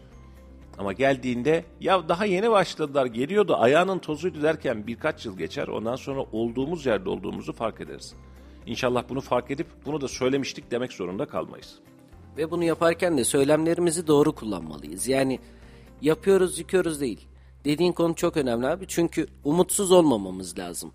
Bazı şeylerde umut ışığını verip çok güzel söylemlerle biz bunun önceden örneklerinde gördük. Sosyal medya vasıtasıyla da gördük. Ve dedik ki bakın bu konuda biz bir rahatsızlığımız var. Bu rahatsızlığımızı da en güzel nasıl giderebiliriz? Söylemlerle. Devlet yetkilileri etiketlendi. Sosyal medyada trend topik oldu. Vatandaş normal çıktık. Sokak röportajlarında tepkisini çok güzel bir şekilde söyleyebildi. Ve bunu yaparken de bak yıkarız yıkarız oy vermeyiz anlamında demedi. Evet. Vatandaş olarak ben bu konuda bir kaygılanıyorum. Benim bu konuda sıkıntım var. Bunun çözülmesini istiyorum diye güzel bir söylemle söylendi ve çözüm önerisi için de devlet yetkilileri tarafından hemen müdahale edildi. Bir şeyler yapmaya çalıştılar ama bunu vatandaş olarak kendimizin söylemesi lazım. Tabii tabii tabii. Yani şimdi o kadar farklı ki Melih biz bunu sosyal medya aracılığıyla görüyoruz biliyorsun. Bunu da yaşıyoruz bizzat. Sosyal medyanın, medyanın asıl gücü vatandaşın kendisi. Biz sadece sosyal medyayı kullanarak bir araya çok hızlı aksiyon alabiliyoruz. Yani şöyle düşün sosyal medyamız yok ama e, milyon kişilik 80 milyona e, alabilecek bir WhatsApp grubumuz var gibi düşün. Aynı şey. Yani o da bir sosyal medya ama ya da bir SMS grubumuz var gibi düşün. Biz sadece çok daha etkileşimli ve hareket edebildiğimiz için sosyal medya dinamik hale geliyor. Yani siyasetçi mesela çoğu zaman sosyal medyaya karşı böyle çok kinli ve temkinli. Bunu görüyoruz gittiğimiz yerlerde de gördük biliyorsun. Yani ya işte altına da yorum ya yapılacak kardeşim sen siyasetçisin. Sen yüzde yüzün oyuyla gelmedin. Sen böyle bir oyla gelmedin ki seni seven olacak, sevmeyen olacak, eleştiren olacak. Sen de buna cevap vereceksin. Bu kadar basit bu iş. Yani buna gözümü kapattım, kulağımı kapattım diyerek olmaz. Ee, ve biraz önceki dediğin bizim sokak eylemi yapmadan, eylem yapmadan reaksiyonumuzu en rahat, basit gösterebildiğimiz yer de sosyal medyanın kendisi oldu. Önceki dönemde böyle miydi? Değildi. Mesela şeyi düşünelim. E, Ecevit dönemini düşünelim. Son dönem yazar kasa eylemleri falan. Esnaf falan sokağa çıkmıştı artık. Eylem yapıyordu. Anladın mı? Yani geçinemiyoruz yeter mahvolduk bittik biz filan diye. Şu an düştüğümüz birçoğunun halinden o zamanki oranlara rakamlara bakıyoruz. Mesela enflasyon rakamlarına bakıyoruz. O günün enflasyonunu geçtik biz. O günün kur farkına bakıyoruz geçtik. Borsadaki kayba bakıyoruz o günün geçtik mesela. Hani daha fazlasını yaşıyoruz ama sokağa çıkmaya gerek kalmadan da insanlar tepkisini belli ediyor. Ve siyaset de bunu anketlerle sürekli olarak tartıyor. Her gün tartıyor. Yani e, AK Parti İl Başkanı'nda da yayın aldığımızda, Şaban Bey aldığımızda biliyorsun. Onunla da konuştuğumuz hadise bu. Yani her ay ortalama iki tane anketi var minimum. Bu bildiğimiz. Sürekli bir anket çekiliyor. Daha da yetmiyor. Konu ve gündemle alakalı da anket çekiliyor. Mesela örnek olarak veriyorum. Zafer Partisi'nin Ümit Özdağ'ın yapmış olduğu hareketle alakalı bir anket yapılmış mıdır? Küçük de olsa mutlaka yapılmıştır. Kamuoyu ne diyor? Vatandaş bu işe nasıl bakıyor? Anladın mı? Bu çıkış doğru mu? Bu söylem doğru mu gibi. Şimdi bunun içinde biz sosyal medyayı, medyayı ve tepki dilimizi doğru kullandığımız sürece herkes için, memleket için bir e, refah var. Ama bunu tam tersine dönüp de hani bela okuyarak gidin buradan diyerek ya da biz bunları istemiyoruz diyerek bu dile doğru dönmüş olduğumuz zaman, kutuplaştırmış olduğumuz zaman hiç kimse için çözüm yok. Temel değerimiz hangisi? Demokrasinin kendisi. Demokrasi adına da biz ne yapacağız? Doğru, düzgün bir tavır alacağız ve doğru düzgün devam edeceğiz. Doğru anlatımla devam edeceğiz. Biz basın olarak üstümüze düşeni yapacağız. Vatandaş kendi benliğiyle üstüne düşeni yapmış olacak ve süreci tamamlayacağız. Ha seçim geldiğinde gider ya da gitmez, gelir ya da gelmez hiç problem değil. Biz vatandaş olarak aydınlanmayı yaşamazsak 40 tur da attırsak hükümetten biz durduğumuz yerde durmaya devam edeceğiz. Efendim bir reklam arası verelim mi? Bugün biz e, tabii onu da bildirelim rejimizi değiştirdik. E, Hüseyin'imiz artık yok e, bize veda etti memleketine döndü. Bundan sonra Musa ile devam edeceğiz. Musa'nın da bugün çıraklık günü Ahmet Bey ile beraber böyle bir e, bunun için rejide ara ara böyle e, ufak aksaklıklarımız olursa şimdiden özür dileriz. Ufak bir reklam arasına gideceğiz. Lütfen bir yere ayrılmayın. Yerel gündeme döneceğiz sonra. Biraz Kayseri'yi konuşacağız. E, bir 3 dakika sonra buradayız. Bir yere ayrılmayın efendim. Şimdi reklamlar. Stillers, Stillers. Blender'ım Stillers, çay makinem Stillers, cezvem Stillers, tost makinem Stillers. Stillers, Stillers. Artık mutlu herkes. Sen de hayatı dolu dolu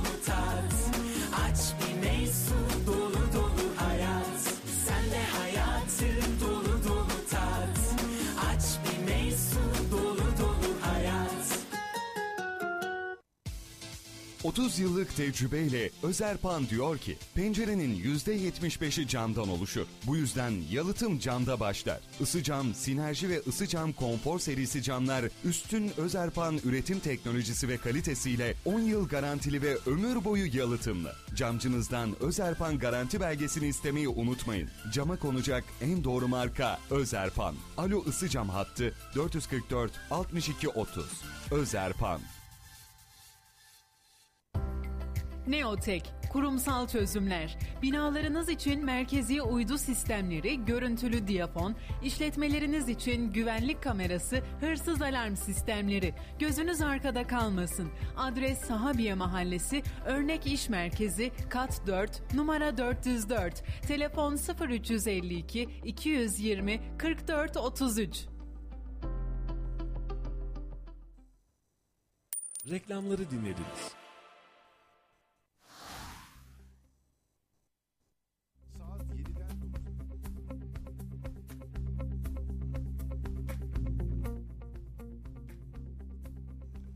Efendim yeniden biz geldik reklam arasından sonra. Hoş bulduk, sefalar geldik. Ne yaptık biz? Geldik biz. Evet. Ee, dönelim yerel gündeme ee, Melih'ciğim. Yerelde aslında bir ay boyunca biriktirdiğimiz çok fazla malzeme var. Bu malzemelerin üzerinde dönem dönem konuşacağız, anlatacağız. Ara ara belki de canlı bağlantılar yapacağız. Ama bugün e, geçtiğimiz hafta yaşadığımız yağmur krizi, altyapı, üst yapı çalışması üzerine belki birazcık daha e, eğilmemiz gerekecek. E, şehrin altyapısı ne kadar müsait? Şehrin altyapısı ne kadar rahatta isterseniz bir e, bunu konuşarak başlayalım ki arkadaşlar sokakta da aynı röportajı yapmışlar şehrin altyapısını üst yapısını sormuşlar. E, ben bunu şuna benzettim şimdi belediyeci kardeşimle konuşurken abi işte bunlar olabiliyor bazen kış dönemleri dedi. Kısa bir örnek verdim e, arkadaşlarımız da dinliyor bizi biliyorum bir yangın tüpünüz var ne zaman lazım? Yangın, Yangın olduğu zaman. Duvarda asılı. Arabanızda var. Yangın çıktığında kullanamıyorsanız bir anlamı var mı? Yok. Bu, bu, bu anlar için geçerli. Bize bu anlar için lazım. Doğru mu kardeşim? Şimdi e, yağış başladığında eğer ben altyapıyı kullanamayacaksam yaz günü pırıl pırıl havada benim kanalizasyon yani o e, yağmur ızgaraları, mazgallara vesaireye niye ihtiyacım olur? Bana o gün lazım. Doğru mu? Bana o gün lazım. O gün de o gün. Yani şimdi mesela örnek olarak veriyorum. Papatya Caddesi, Talas Papatya Caddesi'nde yaşanan travma. Ya yıllardır yaşanıyor. Yıllardır yaşanıyor. Peki e, bunun muhatabı kim? Yani e, kimin olması gerekiyor bunun muhatabının? Ya belediye başkanları, kaski diyebiliriz. Doğrudan kaski. Şimdi e, Palancıoğlu Talas Belediye Başkanı iken de aslında aynısını konuştu. Kendisi de aynı şeyi söylemişti. Papatya Caddesi hengamesi o zaman da vardı. Ya e, Mustafa Başkan'la biz göreve geldikten sonra ilk konuştuğumuzda o zaman da söyledim ben. Yani Papatya Caddesi özel. Yani niye? Burası yağmurdan sonra her sene aynı tantanaya biniyor. Yani hiç affetmiyor. Ya buna bir çözüm bulalım ve buna bir çözüm bulmak lazım. Hadi ne yapacağız? Kaski orada ciddi bir altyapı çalışması yaptı geçtiğimiz yıl. Dedik ki hatırlıyorsun. Dedik ki tamam biz bu işi kurtardık. Tamam rahatız artık iş bitti. Peki bitti mi? Yok yine aynısı oldu. E demek ki kalıcı bir çözüm üretmiyoruz. Peki vatandaş haksız mı bu konuda? Yani bunu söylemekte. Yani Sivas Caddesi'nde alt geçitlerimiz var. Biz daha önce de yaşadık bunu. Son geçen yıl yaşamamıştık. Yani geçen yıl ciddi ciddi yaşamamıştık. Sivas Caddesi'nde tramvay için girmiş olduğumuz alt geçitler var. Alt geçitlerde ne hale geldik yağmurda? Patladık. E şimdi bunu söylerken de ne yapalım gözümüzü mü kapatalım? Her şey çok iyi, her şey çok güzel filan mı yapalım? Şimdi vatandaş otomatik olarak soruyor. Diyor ki kardeşim hani siz diyordunuz ya diyor. Hani siz diyordunuz ya e, şehrin altyapı problemi yok. Ne oldu? Yağmur yağdığında biz bunu görmüş olduk. Yani gelen görüntülere baktığımızda aynı şekilde, vatandaşın tepkisi aynı şekilde. En basitinden söyleyelim. Talas Papatya Caddesi'nde plakaları paylaştık biz. Evet. O plakalar kendi durduk yere düşmedi oraya. Yağmur yağdığında oluşan göletlerde arabalar geçmeye çalıştı ve plakaların hepsi olduğu yere düştü. Araçlar- Mağdur, mağduriyet sayısının çarpan etkisi belki de o. Yani orada atıyorum 20 tane plaka varsa sen çarp bir tane onunla 20 ile o kadar insan mağdur oldu o yolda. En somut örneği. Evet. Şimdi baktığımızda biz yayınımıza başladığımızda hatta yaz ayından itibaren konuşmaya başladık. Tramvay çalışmaları başladı. Talas'ta Mehmet Timuçin Caddesi'nde. Gördüğümüzde dedik ki bakın burada bir sıkıntı olacak. Kış ayına girdiğimizde otobüsler orada duramayacak. Yoğun trafik olacak ve en ya kaldırım olmadığı için vatandaşlar çok büyük mağduriyet yaşayacak. Bununla ilgili bu görünen bir örnek, bununla ilgili çalışma yapılması lazım dedik. Ve biz bu çalışmaları göremedik. Aynı şekilde vatandaşlar da tepkisini dile getirdi. Mehmet Tümüçün Caddesi. Altyapı Sonrası çalışması mı? e, Evet. yani sonrasında ne oldu? Ee, yol şeye döndü. E, ızgaraya Köstebek. Köstebek yuvasına döndü. Çiki Çiki Baba'yla e, yol durumu paylaşıldı. Ertesi gün e, kar yağış bittiği gün itibariyle de tuttuk oraya asfalt attık. Peki daha öncesinde söylenmedi mi? Daha öncesinde akıl edemedik mi bunu? Yani oraya bir asfalt atmaya akıl edemedik mi? Hani hava hiç mi güzel olmadı, asfalt atmaya hiç mi müsait olmadı? Ya bir şey geliyor. Bir şey gelirken de siz bunu görüyorsunuz. Hizmet ayrıcalığı böyle bir şey. Şimdi e, bak e, bir ay boyunca e, belediyelerin hizmetleri yapmaya çalıştığı işlerle alakalı programlar yaptık. Belediye başkanlarını da canlı yayın aldık. Yapılan çok nitelikli işler var. Yapılan çok güzel işler de var. Biz bu güzel işleri de özellikle hatta Ramazan'da siyasetten de uzak duracağız. Pozitif yaklaşacağız dedik. Yani her şeye pozitif yaklaşacağız ve pozitif de bir ay geçti çok şükür. Ama e, beraberinde yapmış olduğumuz bir altyapısal sıkıntı varsa, bir hata varsa bunu da görmemiz lazım. Yani vatandaş bir yerden sıkıntı yaşıyorsa bunu da çözmemiz lazım. Çözmek için de kalıcı çözmemiz lazım. Hani geçici olarak üzerine bir makyaj attık neyse şimdilik idare etsin diyemeyiz. Yani bunu kalıcı hale getireceksiniz. Kalıcı olarak toparlayacaksınız, işi bitireceksiniz. Ama kalıcı hale getirmediğiniz zaman sen ben selamet. Ve altyapı çalışmalarında da biz bu sancıyı çok uzun dönem yaşadık ve çok uzun dönem yaşayacağıza benziyor. Şimdi özel, özellikle alt geçit. İşte eski trafik şubenin oradaki alt geçit dahil olmak üzere, Sivas Caddesi'ndeki alt geçitler dahil olmak üzere. Bu problemleri aşmak için bizim kalıcı, memleketi rahatlatıcı çalışmalara ihtiyacımız var. Kötü bir şehrimizin var. Hayır değil. Yani şimdi kimse de böyle bir algı çıkartmasın. Şehrimiz kötü mü? Değil. Değil kardeşim. Bizim güzel bir şehrimiz var. Biz bu şehri seviyoruz. Biz bu şehrin sevdalısıyız. Ama yanlış yapılan, eksik yapılan ve yapılması gereken bir şey varsa da bunun için birilerinin de öne düşmesi gerekiyor. Biz yıllarca Haseki Başkan zamanında hatırlıyorsun altyapı çalışması, altyapı çalışması ciddi anlamda altyapı çalışmasına önem verildi. Ama şimdi bakıyorsun yaptığın altyapı çalışması senin nüfus dengeni kurtarmamış. Senin yağmur dengeni kurtarmamış. Metrekareye 30 litre yağış düştü diyor. E tamam 70 de düştüğü olmuştu. Yani bizim bu işi aşmamız lazım bir şekilde doğru mu? Yarın bir gün 40 da düşer 50 de düşer. Yani biz bu, bu süre içerisinde bu yağışlar olduğunda biz aynı mağduriyete kalacaksak, kalacaksak bunun adı şehircilik değil. Ki bu bahsetmiş olduğumuz ana arterler daha. Yani ana merkezlerden bahsediyoruz. Ki vatandaşın çamurda kaldığı, yolda kaldığı yani bugün itibariyle ben Talas'ta yine baktım aynı hadiseye. Yollarda gel ciddi anlamda sıkıntılar yaşanmış. Son yağıştan sonra da yaşanmış. E bir kar geldi gitti üstüne orada da çok ciddi sıkıntılar yaşadık. Bu problemleri çözmek adına kalıcı, kalıtsal altyapı çalışmalarına ihtiyacımız var ki şehrin önü açılsın. Şehir bir nefes alsın. Eğer bunu yapmazsak, gözümüzü kapatmaya devam edersek sancı çekeceğiz. Bakın, e, bu yaz seçim öncesi son yaz. Doğru mu? Genel seçim öncesi. Daha sonrasında, bir sene sonrasında da yerel seçim var. Bu aradaki dengeyi tutturabilmek adına altyapısını, üst yapısını, seyir makyajını, hizmetini çok iyi ayarlamak ve uyarlamak lazım. Yapılan güzel işleri biz yine takdir etmeye devam edeceğiz ama beceremediğimiz işler konusunda da eleştirmek konusunda haklıyız. Şöyle yapalım, bir laf sokaktığımız var. Biz sokağa sorduk. Şehrin altyapısını, üç üst yapısını. Bakalım sokak ne diyor? Ee, yeni dinleyenler için bir hatırlatalım. Bizim Laf Sokak'ta ekibimiz 2 yıl aşkın süredir 600 bölümü geçti. 700 bölüme belki de yaklaştı. Her gün sokağa bir soru soruyor. Sokaktaki vatandaşa. Bugün altyapıyı soruyor, yarın terörü soruyor, yarın aşıyı soruyor. Yani gündemimizde ne varsa, bizim habersel olarak gündemimizde ne varsa bunu sokakta da beraber yorumlamış oluyoruz. Şimdi Laf Sokak'ta'ya dönelim. Şehrin altyapısını ve üst yapısını sormuşuz en son. Bakalım vatandaş ne demiş? Olduğu gibi iyi söyleyen, kötü söyleyen. Allah ne verdiyse hepsini yayınlıyoruz zaten. Ee, dönelim Laf Sokak'ta'ya ardından buradayız efendim. Bir yere ayrılmayın. Onu yetkililer bile ben ne bileyim. İnsan bir şeyleri önlem alır ve önler yani. Ama altyapısı olarak da yani ben şehrimden memnunum. Kayserimizin altyapısı e, ne kadar yağış olursa olsun o kadar sıkıntı olmaz yani. Yani devletimiz gerekeni yapar inşallah. Kayseri'de son günlerde kötü hava koşulları etkisini gösterdi. İtfaiye gelen 300 çağrı şikayetler hakkında. Biz de bu konuyla sokak ekibi olarak halkımıza taşıdık. Bakalım onlardan nasıl cevaplar almışız. İşte yeraltı kanalizasyon sisteminin düzenli olması gerekiyor. Yoksa nasıl olacak? Peki sizce yeterli mi şu anki önlemler? Yok yapılmadı ki. Yapılsa bir sorun çıkmaz. Ama şu an için eski binalar var, şeyler var. Yok zannetmiyorum yani. O muhakkak o var zaten. Yine yapmaya çalışıyorlar da kış mevsiminde nasıl yapacaklar? İşte kırsal yerlerde daha fazla var yani. Bu görünen şeyler, belki görünmeyen şeyler daha fazladır. Öncelikle kolaylıklar diliyorum sizlere de. Ankara'da yaşıyorum aslen Kayseriliyim.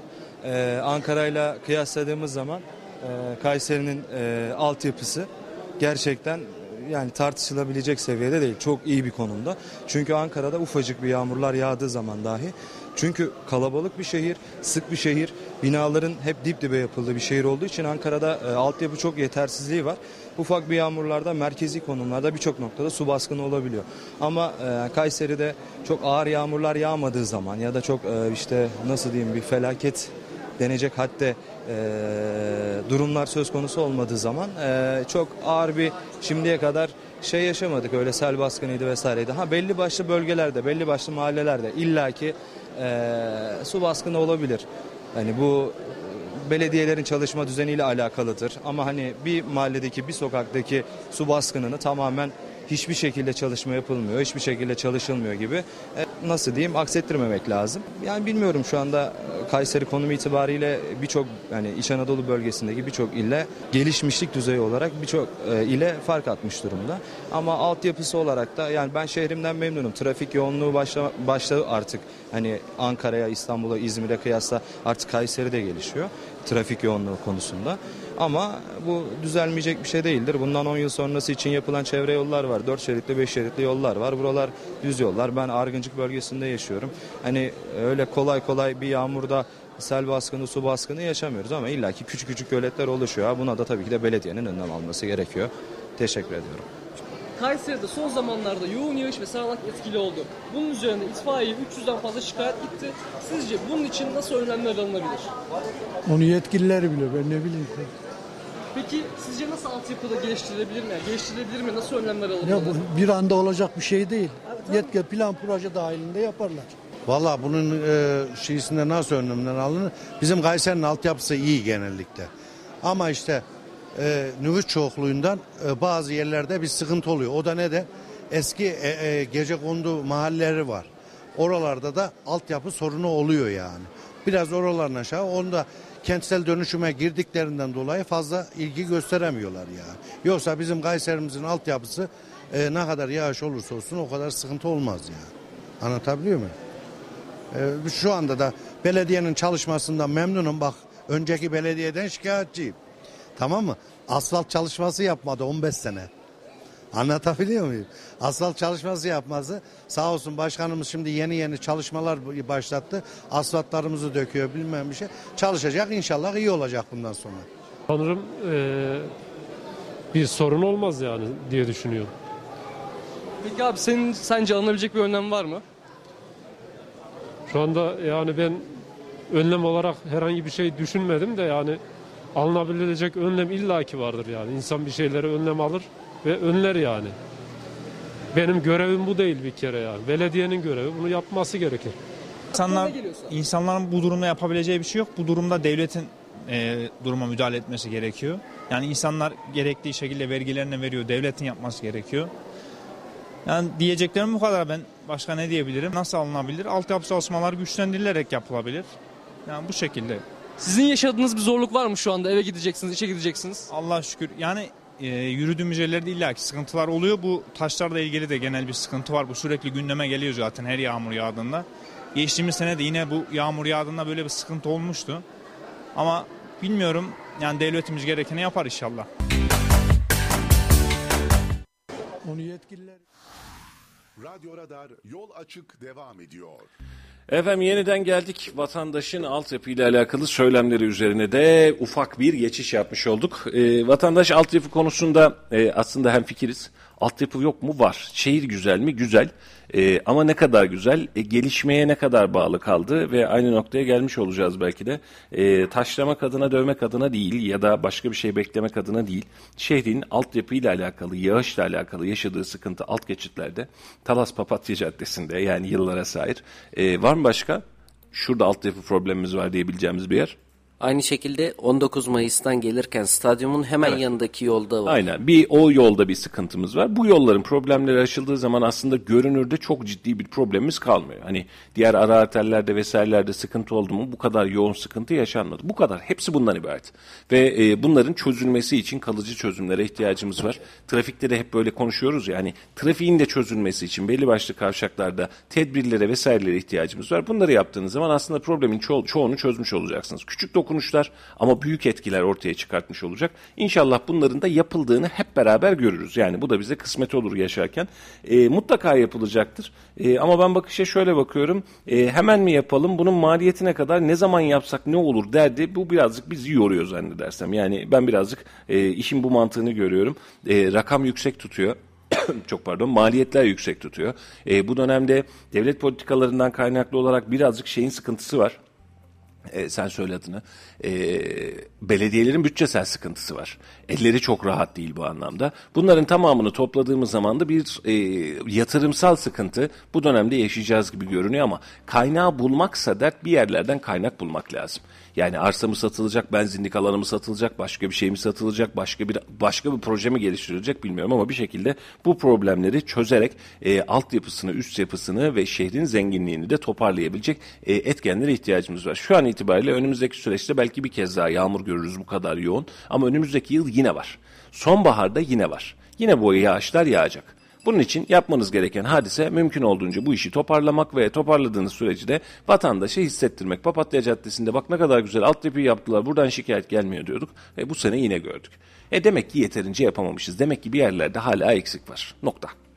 Ve biz bunu ne kadar konuşursak konuşalım vatandaşın söylemini aktarmadığımız sürece sanki sadece biz konuşuyormuşuz gibi oluyor. Aynen öyle. O yüzden vatandaşın söylemi çok önemli. En azından biraz önce konuştuğumuz mevzuya geliyor yine aynı şekilde. Vatandaş tepkisini dile getirebiliyor. Bak orada bir abimiz dedi ki evet bir sıkıntı var. Bunun çözülmesi lazım. Diğer bir abimiz dedi ki ben bir önceki belediyeden memnun değildim. Tepkisini dile getiriyor. Ama şu anki Önceki belediyede belediye hangisi acaba? Onu merak ettim. ben de bilmiyorum. Abimize sormak lazım. Bir daha sokakta Abi karşılaşırsak. 20 yıldır bunlar var zaten diye. Belki bir önceki belediye başkanından memnun değildim diyecek. Onu da çok fazla bilmiyorum ama hani bir önceki belediye deyince Kayseri Belediyeci'nin de özellikle merkezde büyükşehir ve merkez ilçeler dahil olmak üzere çok uzun zamandan beri AK Parti daha öncesinde işte Refah Partisi e, olmak üzere böyle devam etti süreç. Bunun için hani belediyecilikte acaba şu da yaptı da arada biz mi kaçırdık diye düşündüm ama öyle bir dünyamız da yok işin içinde. En azından tepkisini dile getiriyor. Bak diyor ben bir öncekinden memnun değildim evet. Ama diyor şimdikinden memnunum. Belediye olarak biz gayet iyiyiz diyor. Yani bunu söyleyebildiği için vatandaşlarımız da çok güzel aslında. Yani biz gelen tepkilere de çok memnun oluyoruz. Bak ben çok mutluyum diyene de çok mutlu oluyoruz. Çünkü vatandaşın söylemi iyi ya da kötü. Bak vatandaş bunu söylüyor diyebiliyoruz. O yüzden de önemliydi ve vatandaşımızın sesine de her gün kulak vermeye devam edeceğiz. Aynen öyle. Şimdi e, şehirde bir e, özellikle çarşı pazar üzerinde bir gurbetçi beklentisi. E, dün cumartesi günde herhalde bir çarşı pazar yaptım. Anneler günü yoğunluğu da vardı. E, Bankalar Caddesi, e, Kazancılar 27 Mayıs falan böyle bir anneler günü yoğunluğu vardı. Allah bereketini artırsın inşallah. Esnafımızın da şu an e, bir gurbetçi beklentisi var. Yani gurbetçiler gelecek, işler birazcık daha hareketlenecek. Biz de yazı rahatlatacağız diye. E, bununla beraber tabii e, çok sıkıntılı olan esnafımız var. Bir esnafımızda öyle bir ayaküstü lafladık. E, dert ortağı oluyoruz böyle zamanlarda. Diyor ki e, ya dedim tamam rahat ol işte bak gurbetçiler gelecek şimdi her yerden aldığımız veri bu ya. Gurbetçiler gelecek sen de rahat edersin birazcık da. Abi böyle iş mi olur diyor ya. Biz yılda diyor yani tüm 12 ay boyunca bu masrafları ödeyeceğiz. 2 ay boyunca 3 ay boyunca gurbetçi gelecek diye iş yapacağız. Gelmeyince de mahvolacağız. Böyle bir iş olabilir mi diyor. Bir de orada şu an itibariyle arkadaşlar hatta dernekleşme çabası içerisinde 27 Mayıs esnafı cephe düzenlemesinin devamı yapılacak denilerek yani burada bir cephe düzenlemesi hani çarşı düzenlemesi yapacağız denmiş. Esnaf da karşı çıkıyor. Şunun için karşı çıkıyor. Diyor ki Zaten ölü ve zor bir kış geçirdik. Üzerine siz bir de cephe çalışmasına, inşaat çalışmasına başlayınca burası şantiye alanına dönecek. Müşteri gelmeyecek, dükkanı açamayacağız, tozdan kapımızı belki de açamayacağız. Bu bizi yaz döneminde bu dönemde çok fazla etkiler diye böyle bir tepkileri var. Ee, onların da böyle bir sancıları var. Onların da derdini bir dile getirmiş olalım en azından. Önümüzdeki günlerde onlar o, e, o birlikteliği belki birazcık daha rahatlatıp hareket edecekler. Belki de bir eyleme dökecekler. Belki de karşı izleyecekler ama bir arada hareket ediyorlar çoğu esnaf şu an itibariyle. 27 Mayıs'ın artık böyle bir AVM kültürüyle AVM gibi e, tek noktadan hareket etmesi yönünde de belki bir eylemleri olacak. Ama şu an itibariyle çarşı pazar esnafında da e, özellikle gurbetçi ile alakalı beklenti çok yüksek. Bu arada yapılabilecek yol çalışması, tadilat çalışması gibi şeylere de olabildiğince karşılar. Diyorlar ki biz bir yıl boyunca bekliyoruz 3 ay 4 ay iş yapacağız diye. Siz bu dönemde inşaat, tadilat, tamirat çıkartırsanız biz bu işi ne zaman yapacağız? Bizim ticaretimize engel oluyorsunuz diyorlar. Böyle bir de tepkiyle karşı karşıyayız çarşıda. Yani bununla ilgili esnafımız bizim Berkemi'ye özellikle Cumhuriyet Meydanı çevresine gittiğimiz zaman şehrin nabzını tutabildiğimiz bir ortam. Orada da yani gurbetçi gelecek, evet gelecek. İki aylık süreçte kendileri payına düşeni alacak ama baktığı zaman da sancısı var. Burada tepkisini dile getirebiliyor. Bir korkusu var en azından. Evet. Niye para kazanamayacağım korkusu.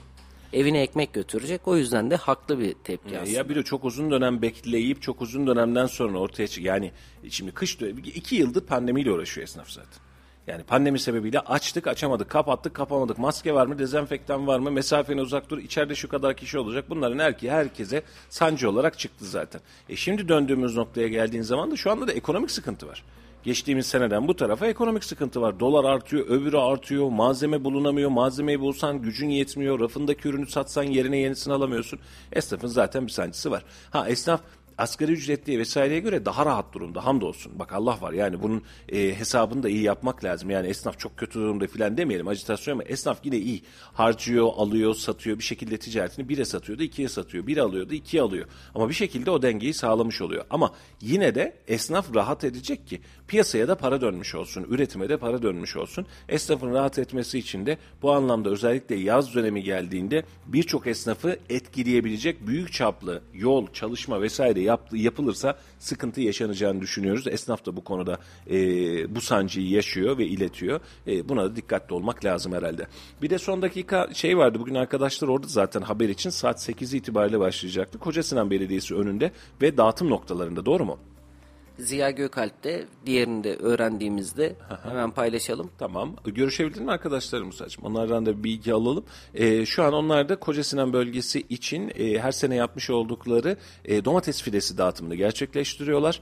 E, bunun da bilgisini vermiş olalım. İlerleyen dakikalarda Kayseri Radar sayfasında da bunu görmüş olacağız. Hatta varmış şu an itibariyle bakalım. Ziya Gökalp Parkı, Beyazşehir Kırlangıç Parkı ve Koca Sinan Belediyesi önünde Koca Sinan Belediyesi domates fidesi dağıtıyor. E, saat 8 itibariyle başlamışlar. Şu anda da devam ediyor mu? Son durum nedir? Arkadaşlar bilgisine geçecekler. Ama dağıtım yerleri Ziya Gökalp Parkı, Beyazşehir Kırlangıç Parkı ve Koca Sinan Belediyesi önü bugün saat 8 itibariyle Koca Sinan Belediyesi domates fidelerini dağıtmaya başlamış bilginiz olsun. Yani anlık bir izdiham görürseniz ne oluyor burada bedava bir şey mi var derseniz evet bedava domates fidesi var. Ee, orada da vatandaşlardan ricamız mümkün olduğunca tabii ki e, evet şu an videoları da gelmiş olabildiğince yoğun sıralarla belediye önüne ama güzel sıra yapmışlar en azından bak. Yani çok böyle bir arbede yok Allah'tan. Nitelikli. Aynen nitelikli e, maşallah. E, domates fideleri konusunda da vatandaşlarımız ekebileceği kadar alsın, ekebileceği noktada alsın deriz. Hani aman alalım da ne olsun alalım demeyelim. Yani o domatesler birilerine meyve olarak, birilerine salat olarak dönecek yaz döneminde ekebileceğiniz kısımlar kadar alın.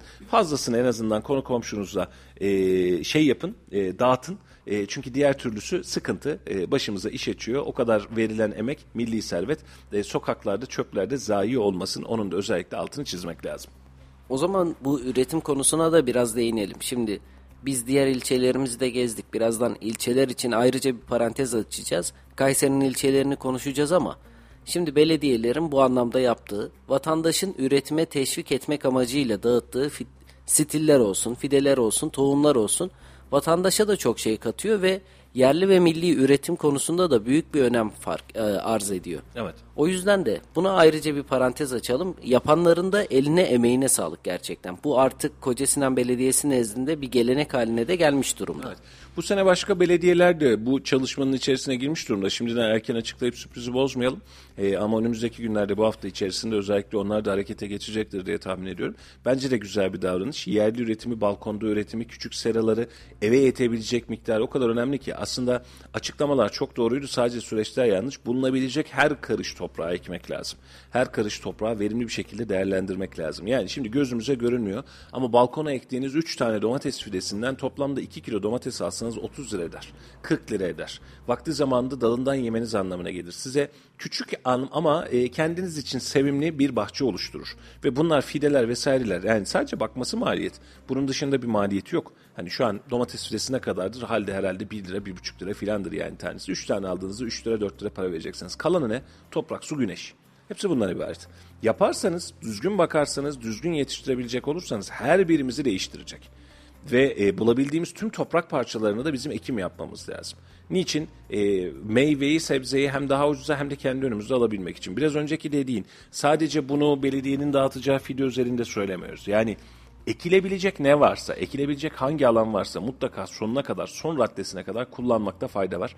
E, çünkü biz ekeceğiz, dikeceğiz, e, meyvesini, mahsulünü alacağız ve e, bizim Antalya'ya, Alanya'ya, yurt dışına, başka illere ihtiyacımızı daha da azaltacağız. Kendi mikro ekonomimizi oluşturmuş olacağız. Eğer bunu yaparsak rahatlayacağız. Bunun için de e, hepimize düşen büyük görev, büyük yük e, her birimiz için düzgün çalışma sahaları, düzgün çalışma alanları, düzgün tarım alanları oluşturmak.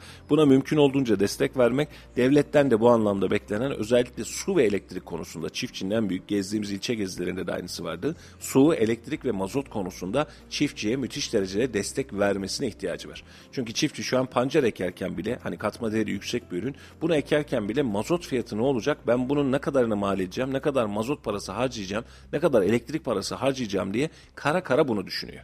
Eğer bu konuda da destekler gerçekleşecek olursa her birimiz çok rahat bir tarım toplumuna dönüşme evrimini gerçekleştireceğiz gibi görünüyor Meriç'im. Ve bizim topraklarımız gerçekten çok elverişli ve özverili. Bu konuda da bizim topraklarımızı kullanabilmemiz lazım. Aynen öyle. Ya şimdi şöyle ee, malzeme şu. E, mesela Yeşilhisar'a gidiyorsunuz su var.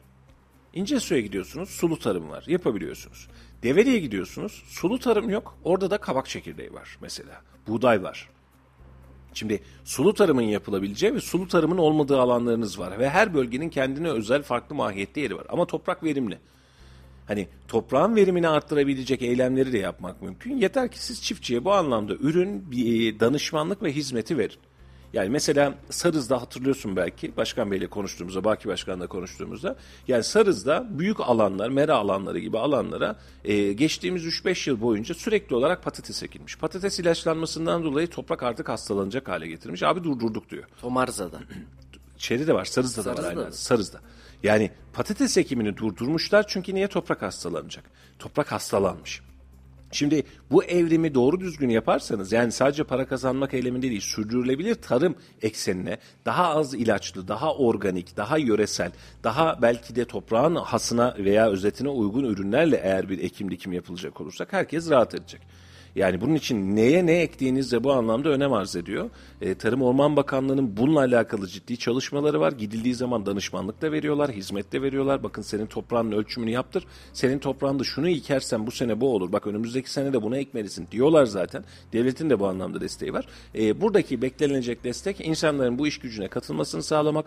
E, beraberinde de mümkünse devlet tarafından elektrik, su ve benzin e, mo- motorin giderlerinin minimize edilmesini sağlamak. Eğer bunları yaparsak çiftçi mutlu olacak. Eğer yapmazsak önümüzdeki yıl biz yine aynı dönemlere geldiğimizde bu ürün niye yok, bu ürün niye bu kadar pahalı, bak bulamıyoruz, bak sıkıntı varmış 3 katı 5 katı arttı diyebiliriz.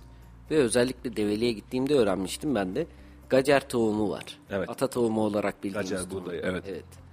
Bu konu yani gerçekten gittiğimde dedim ki bizim böyle bir geleneğimiz varmış. Böyle bir kültürümüz varmış.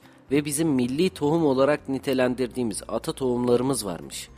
O yüzden de bunların ekiminde de aslında biraz daha rol model olmamız lazım.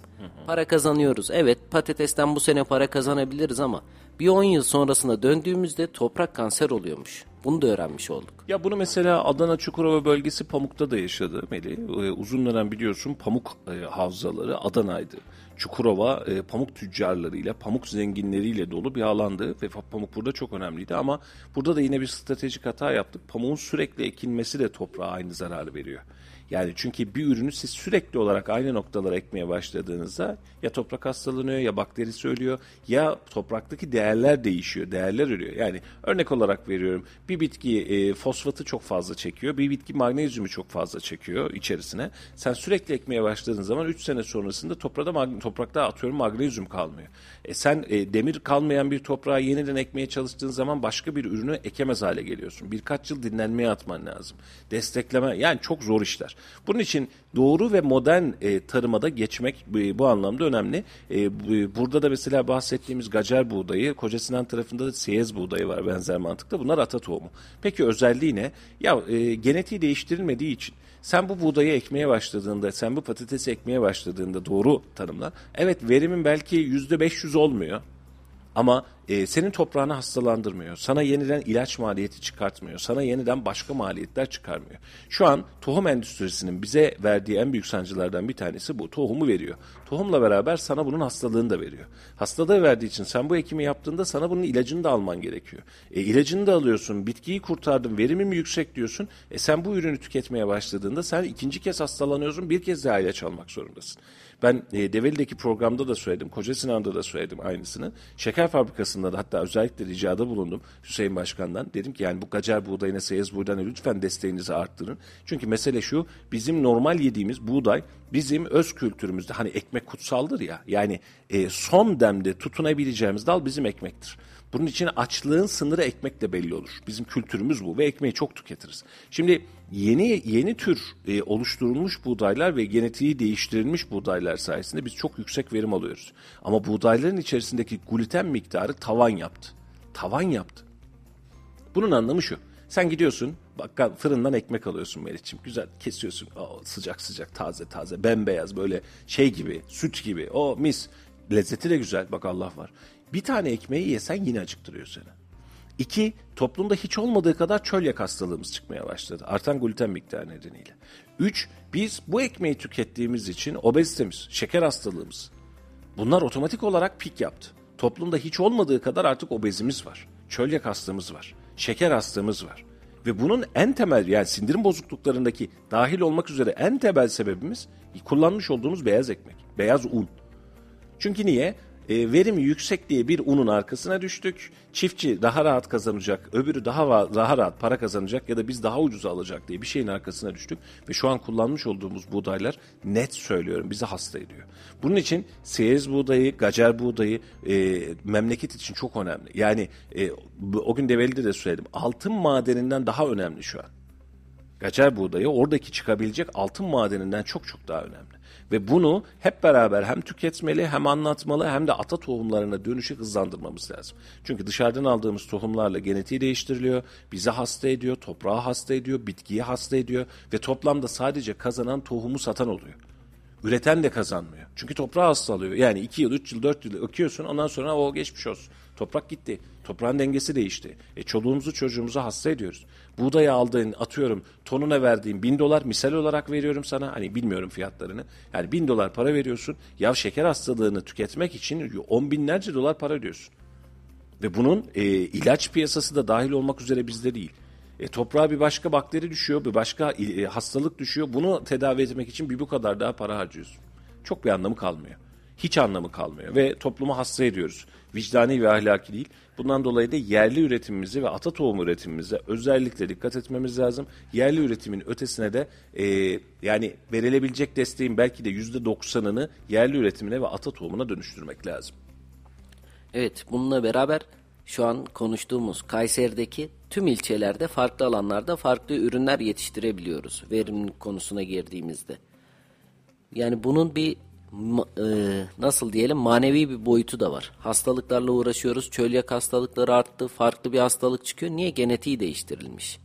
Ama ata tohumunda dediğiniz kadar o yok. Çünkü ekmeği yediğiniz zaman doy- doyum hissine ulaşabiliyorsunuz. Tabii.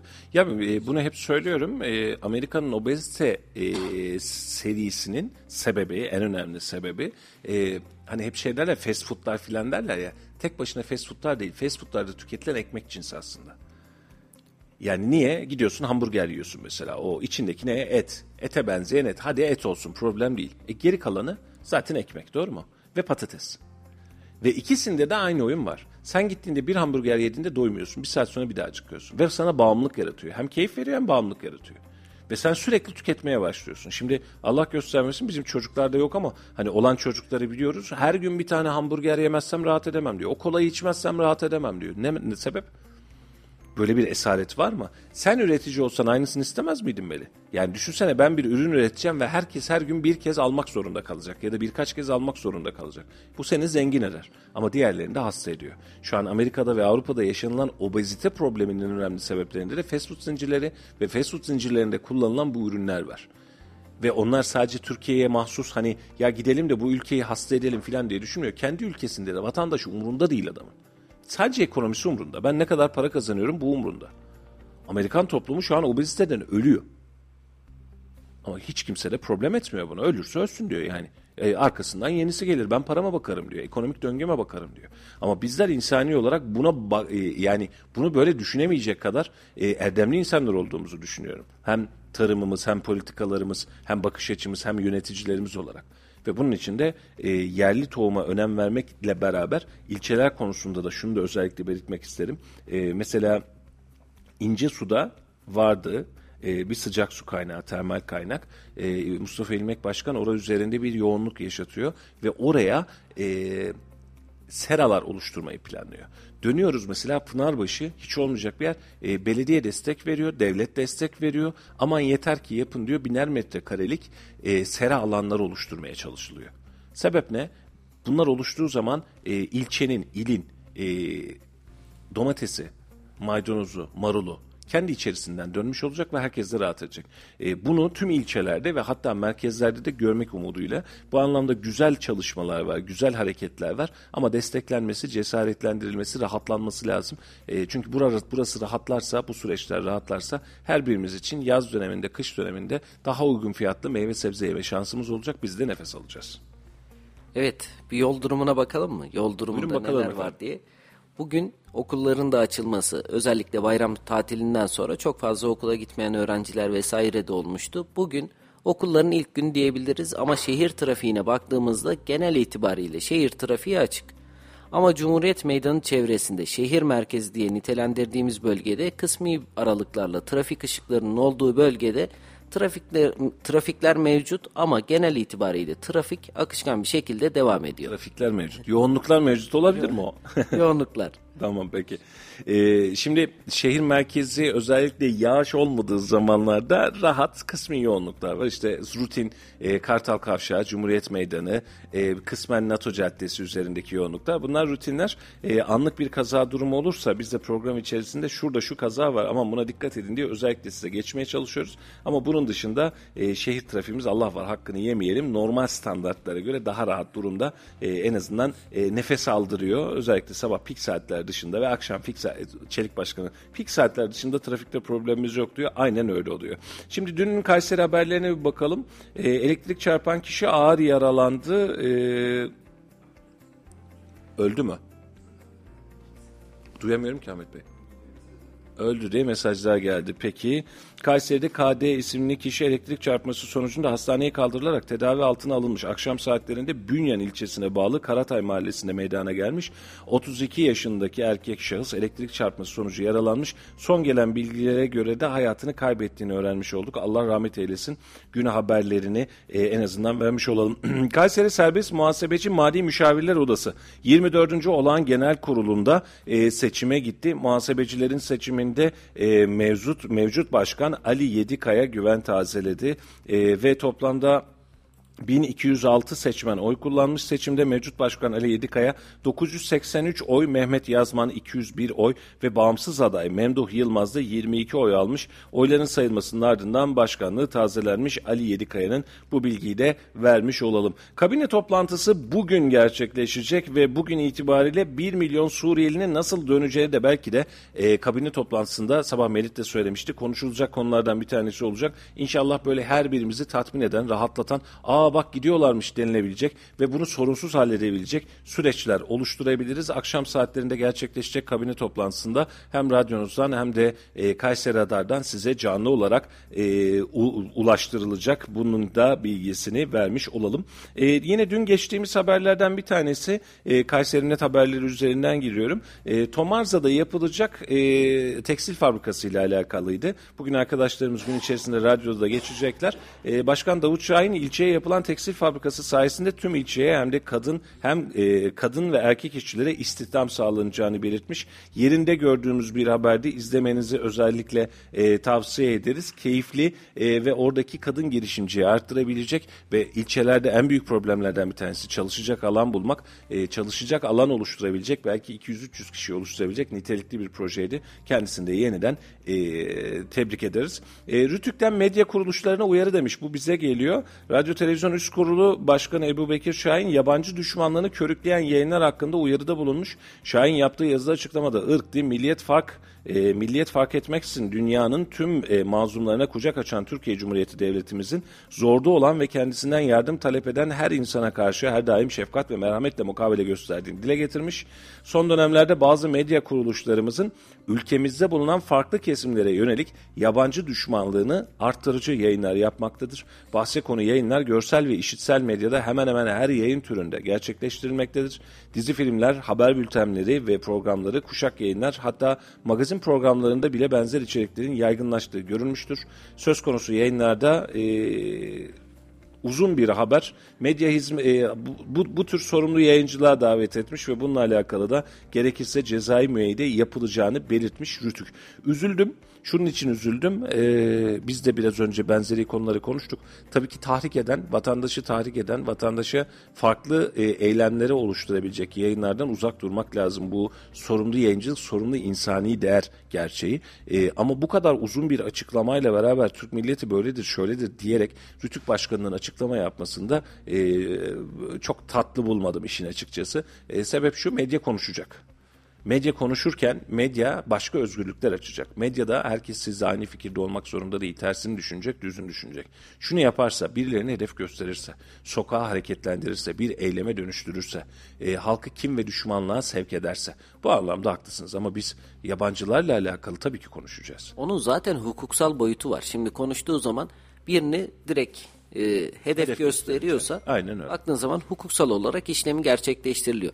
Ama Rütük de böyle bir açıklama yapıyorsa ya yapmayın böyle şeyler. Bakın uyum kültürünü getirelim burada da uyum içinde konuşalım.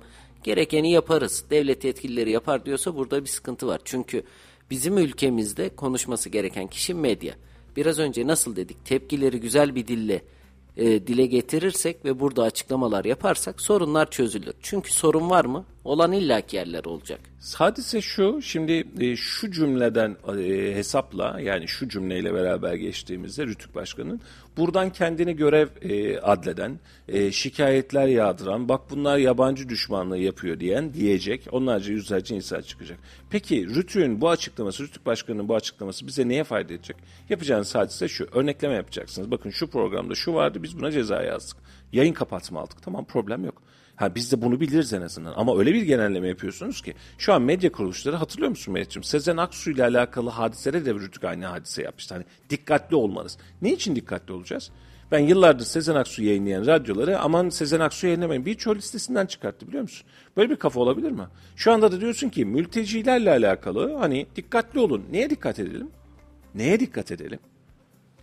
Yani mültecilerin Türkiye'de gelmelerinin ve bu kadar yoğunlukta olmalarının problem olduğunu bu kadar vatandaş görürken gözünü mü kapatsın medya?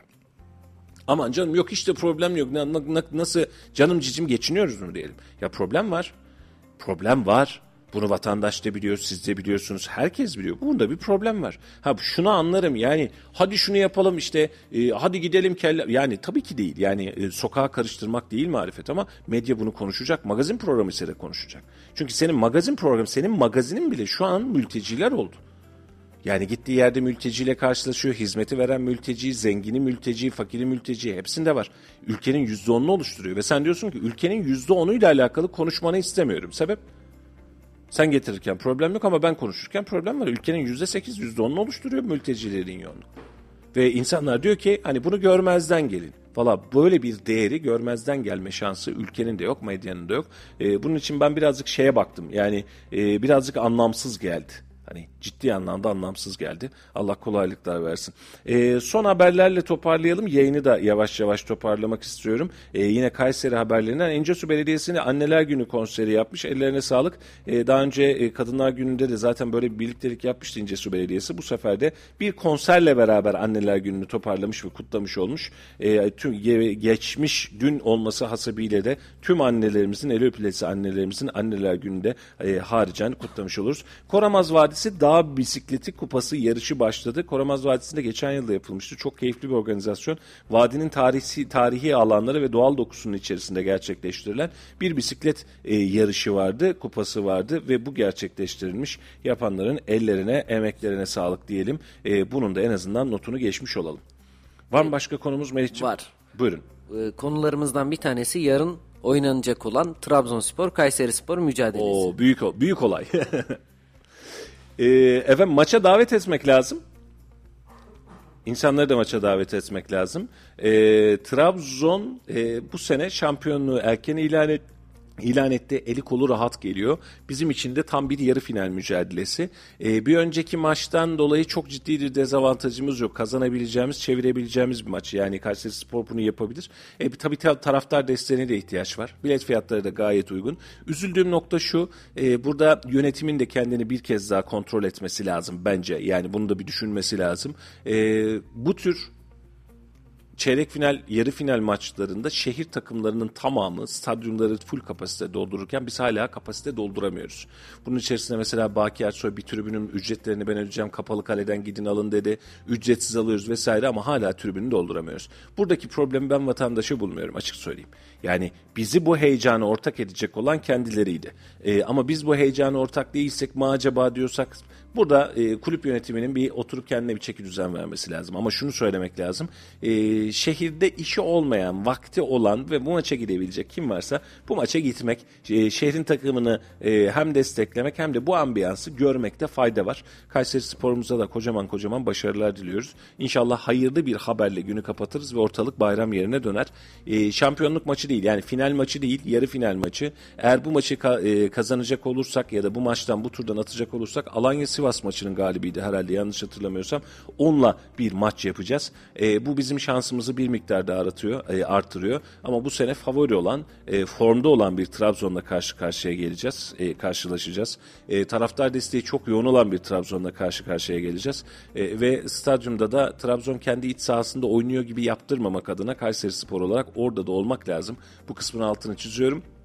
Trabzon taraftarı çok tutkun, çok da psikopat durumda. Ee, hani e, Kayseri Kadir Has Stadyumunu Avni Aker'e çevirebilir. E, buna da dikkat etmek lazım. Kayseri sporların, e, camianın ve taraftarların da desteğini sağlamak lazım. Saati de uygun bir saat. Akşam saat 8.30'da oynanacak. Tamam hay hay. Ee, şeye e, bizden sonra e, bir yayın daha var. E, saat 10 itibariyle e, Halil Öztürk sunumuyu ve Serbülent Altıparmak da bugün dahil olmuş olacak. Onlar da piyasanın nabzını alacaklar. E, saat 10 civarında da onların yayını başlayacak. Onun da biz bilgisini vermiş olalım. E, efendim biz yavaştan müsaade isteyelim.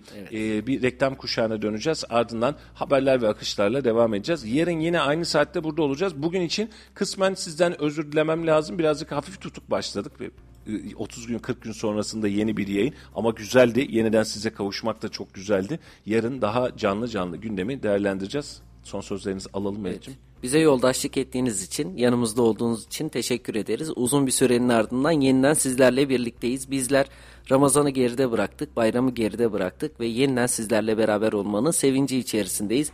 Hafta içi her gün 7 ile 9 arasında sizlerle buluşacağız. Yarın aynı saatte görüşünceye dek hoş kalın, hoşça kalın. Hoşçakalın efendim.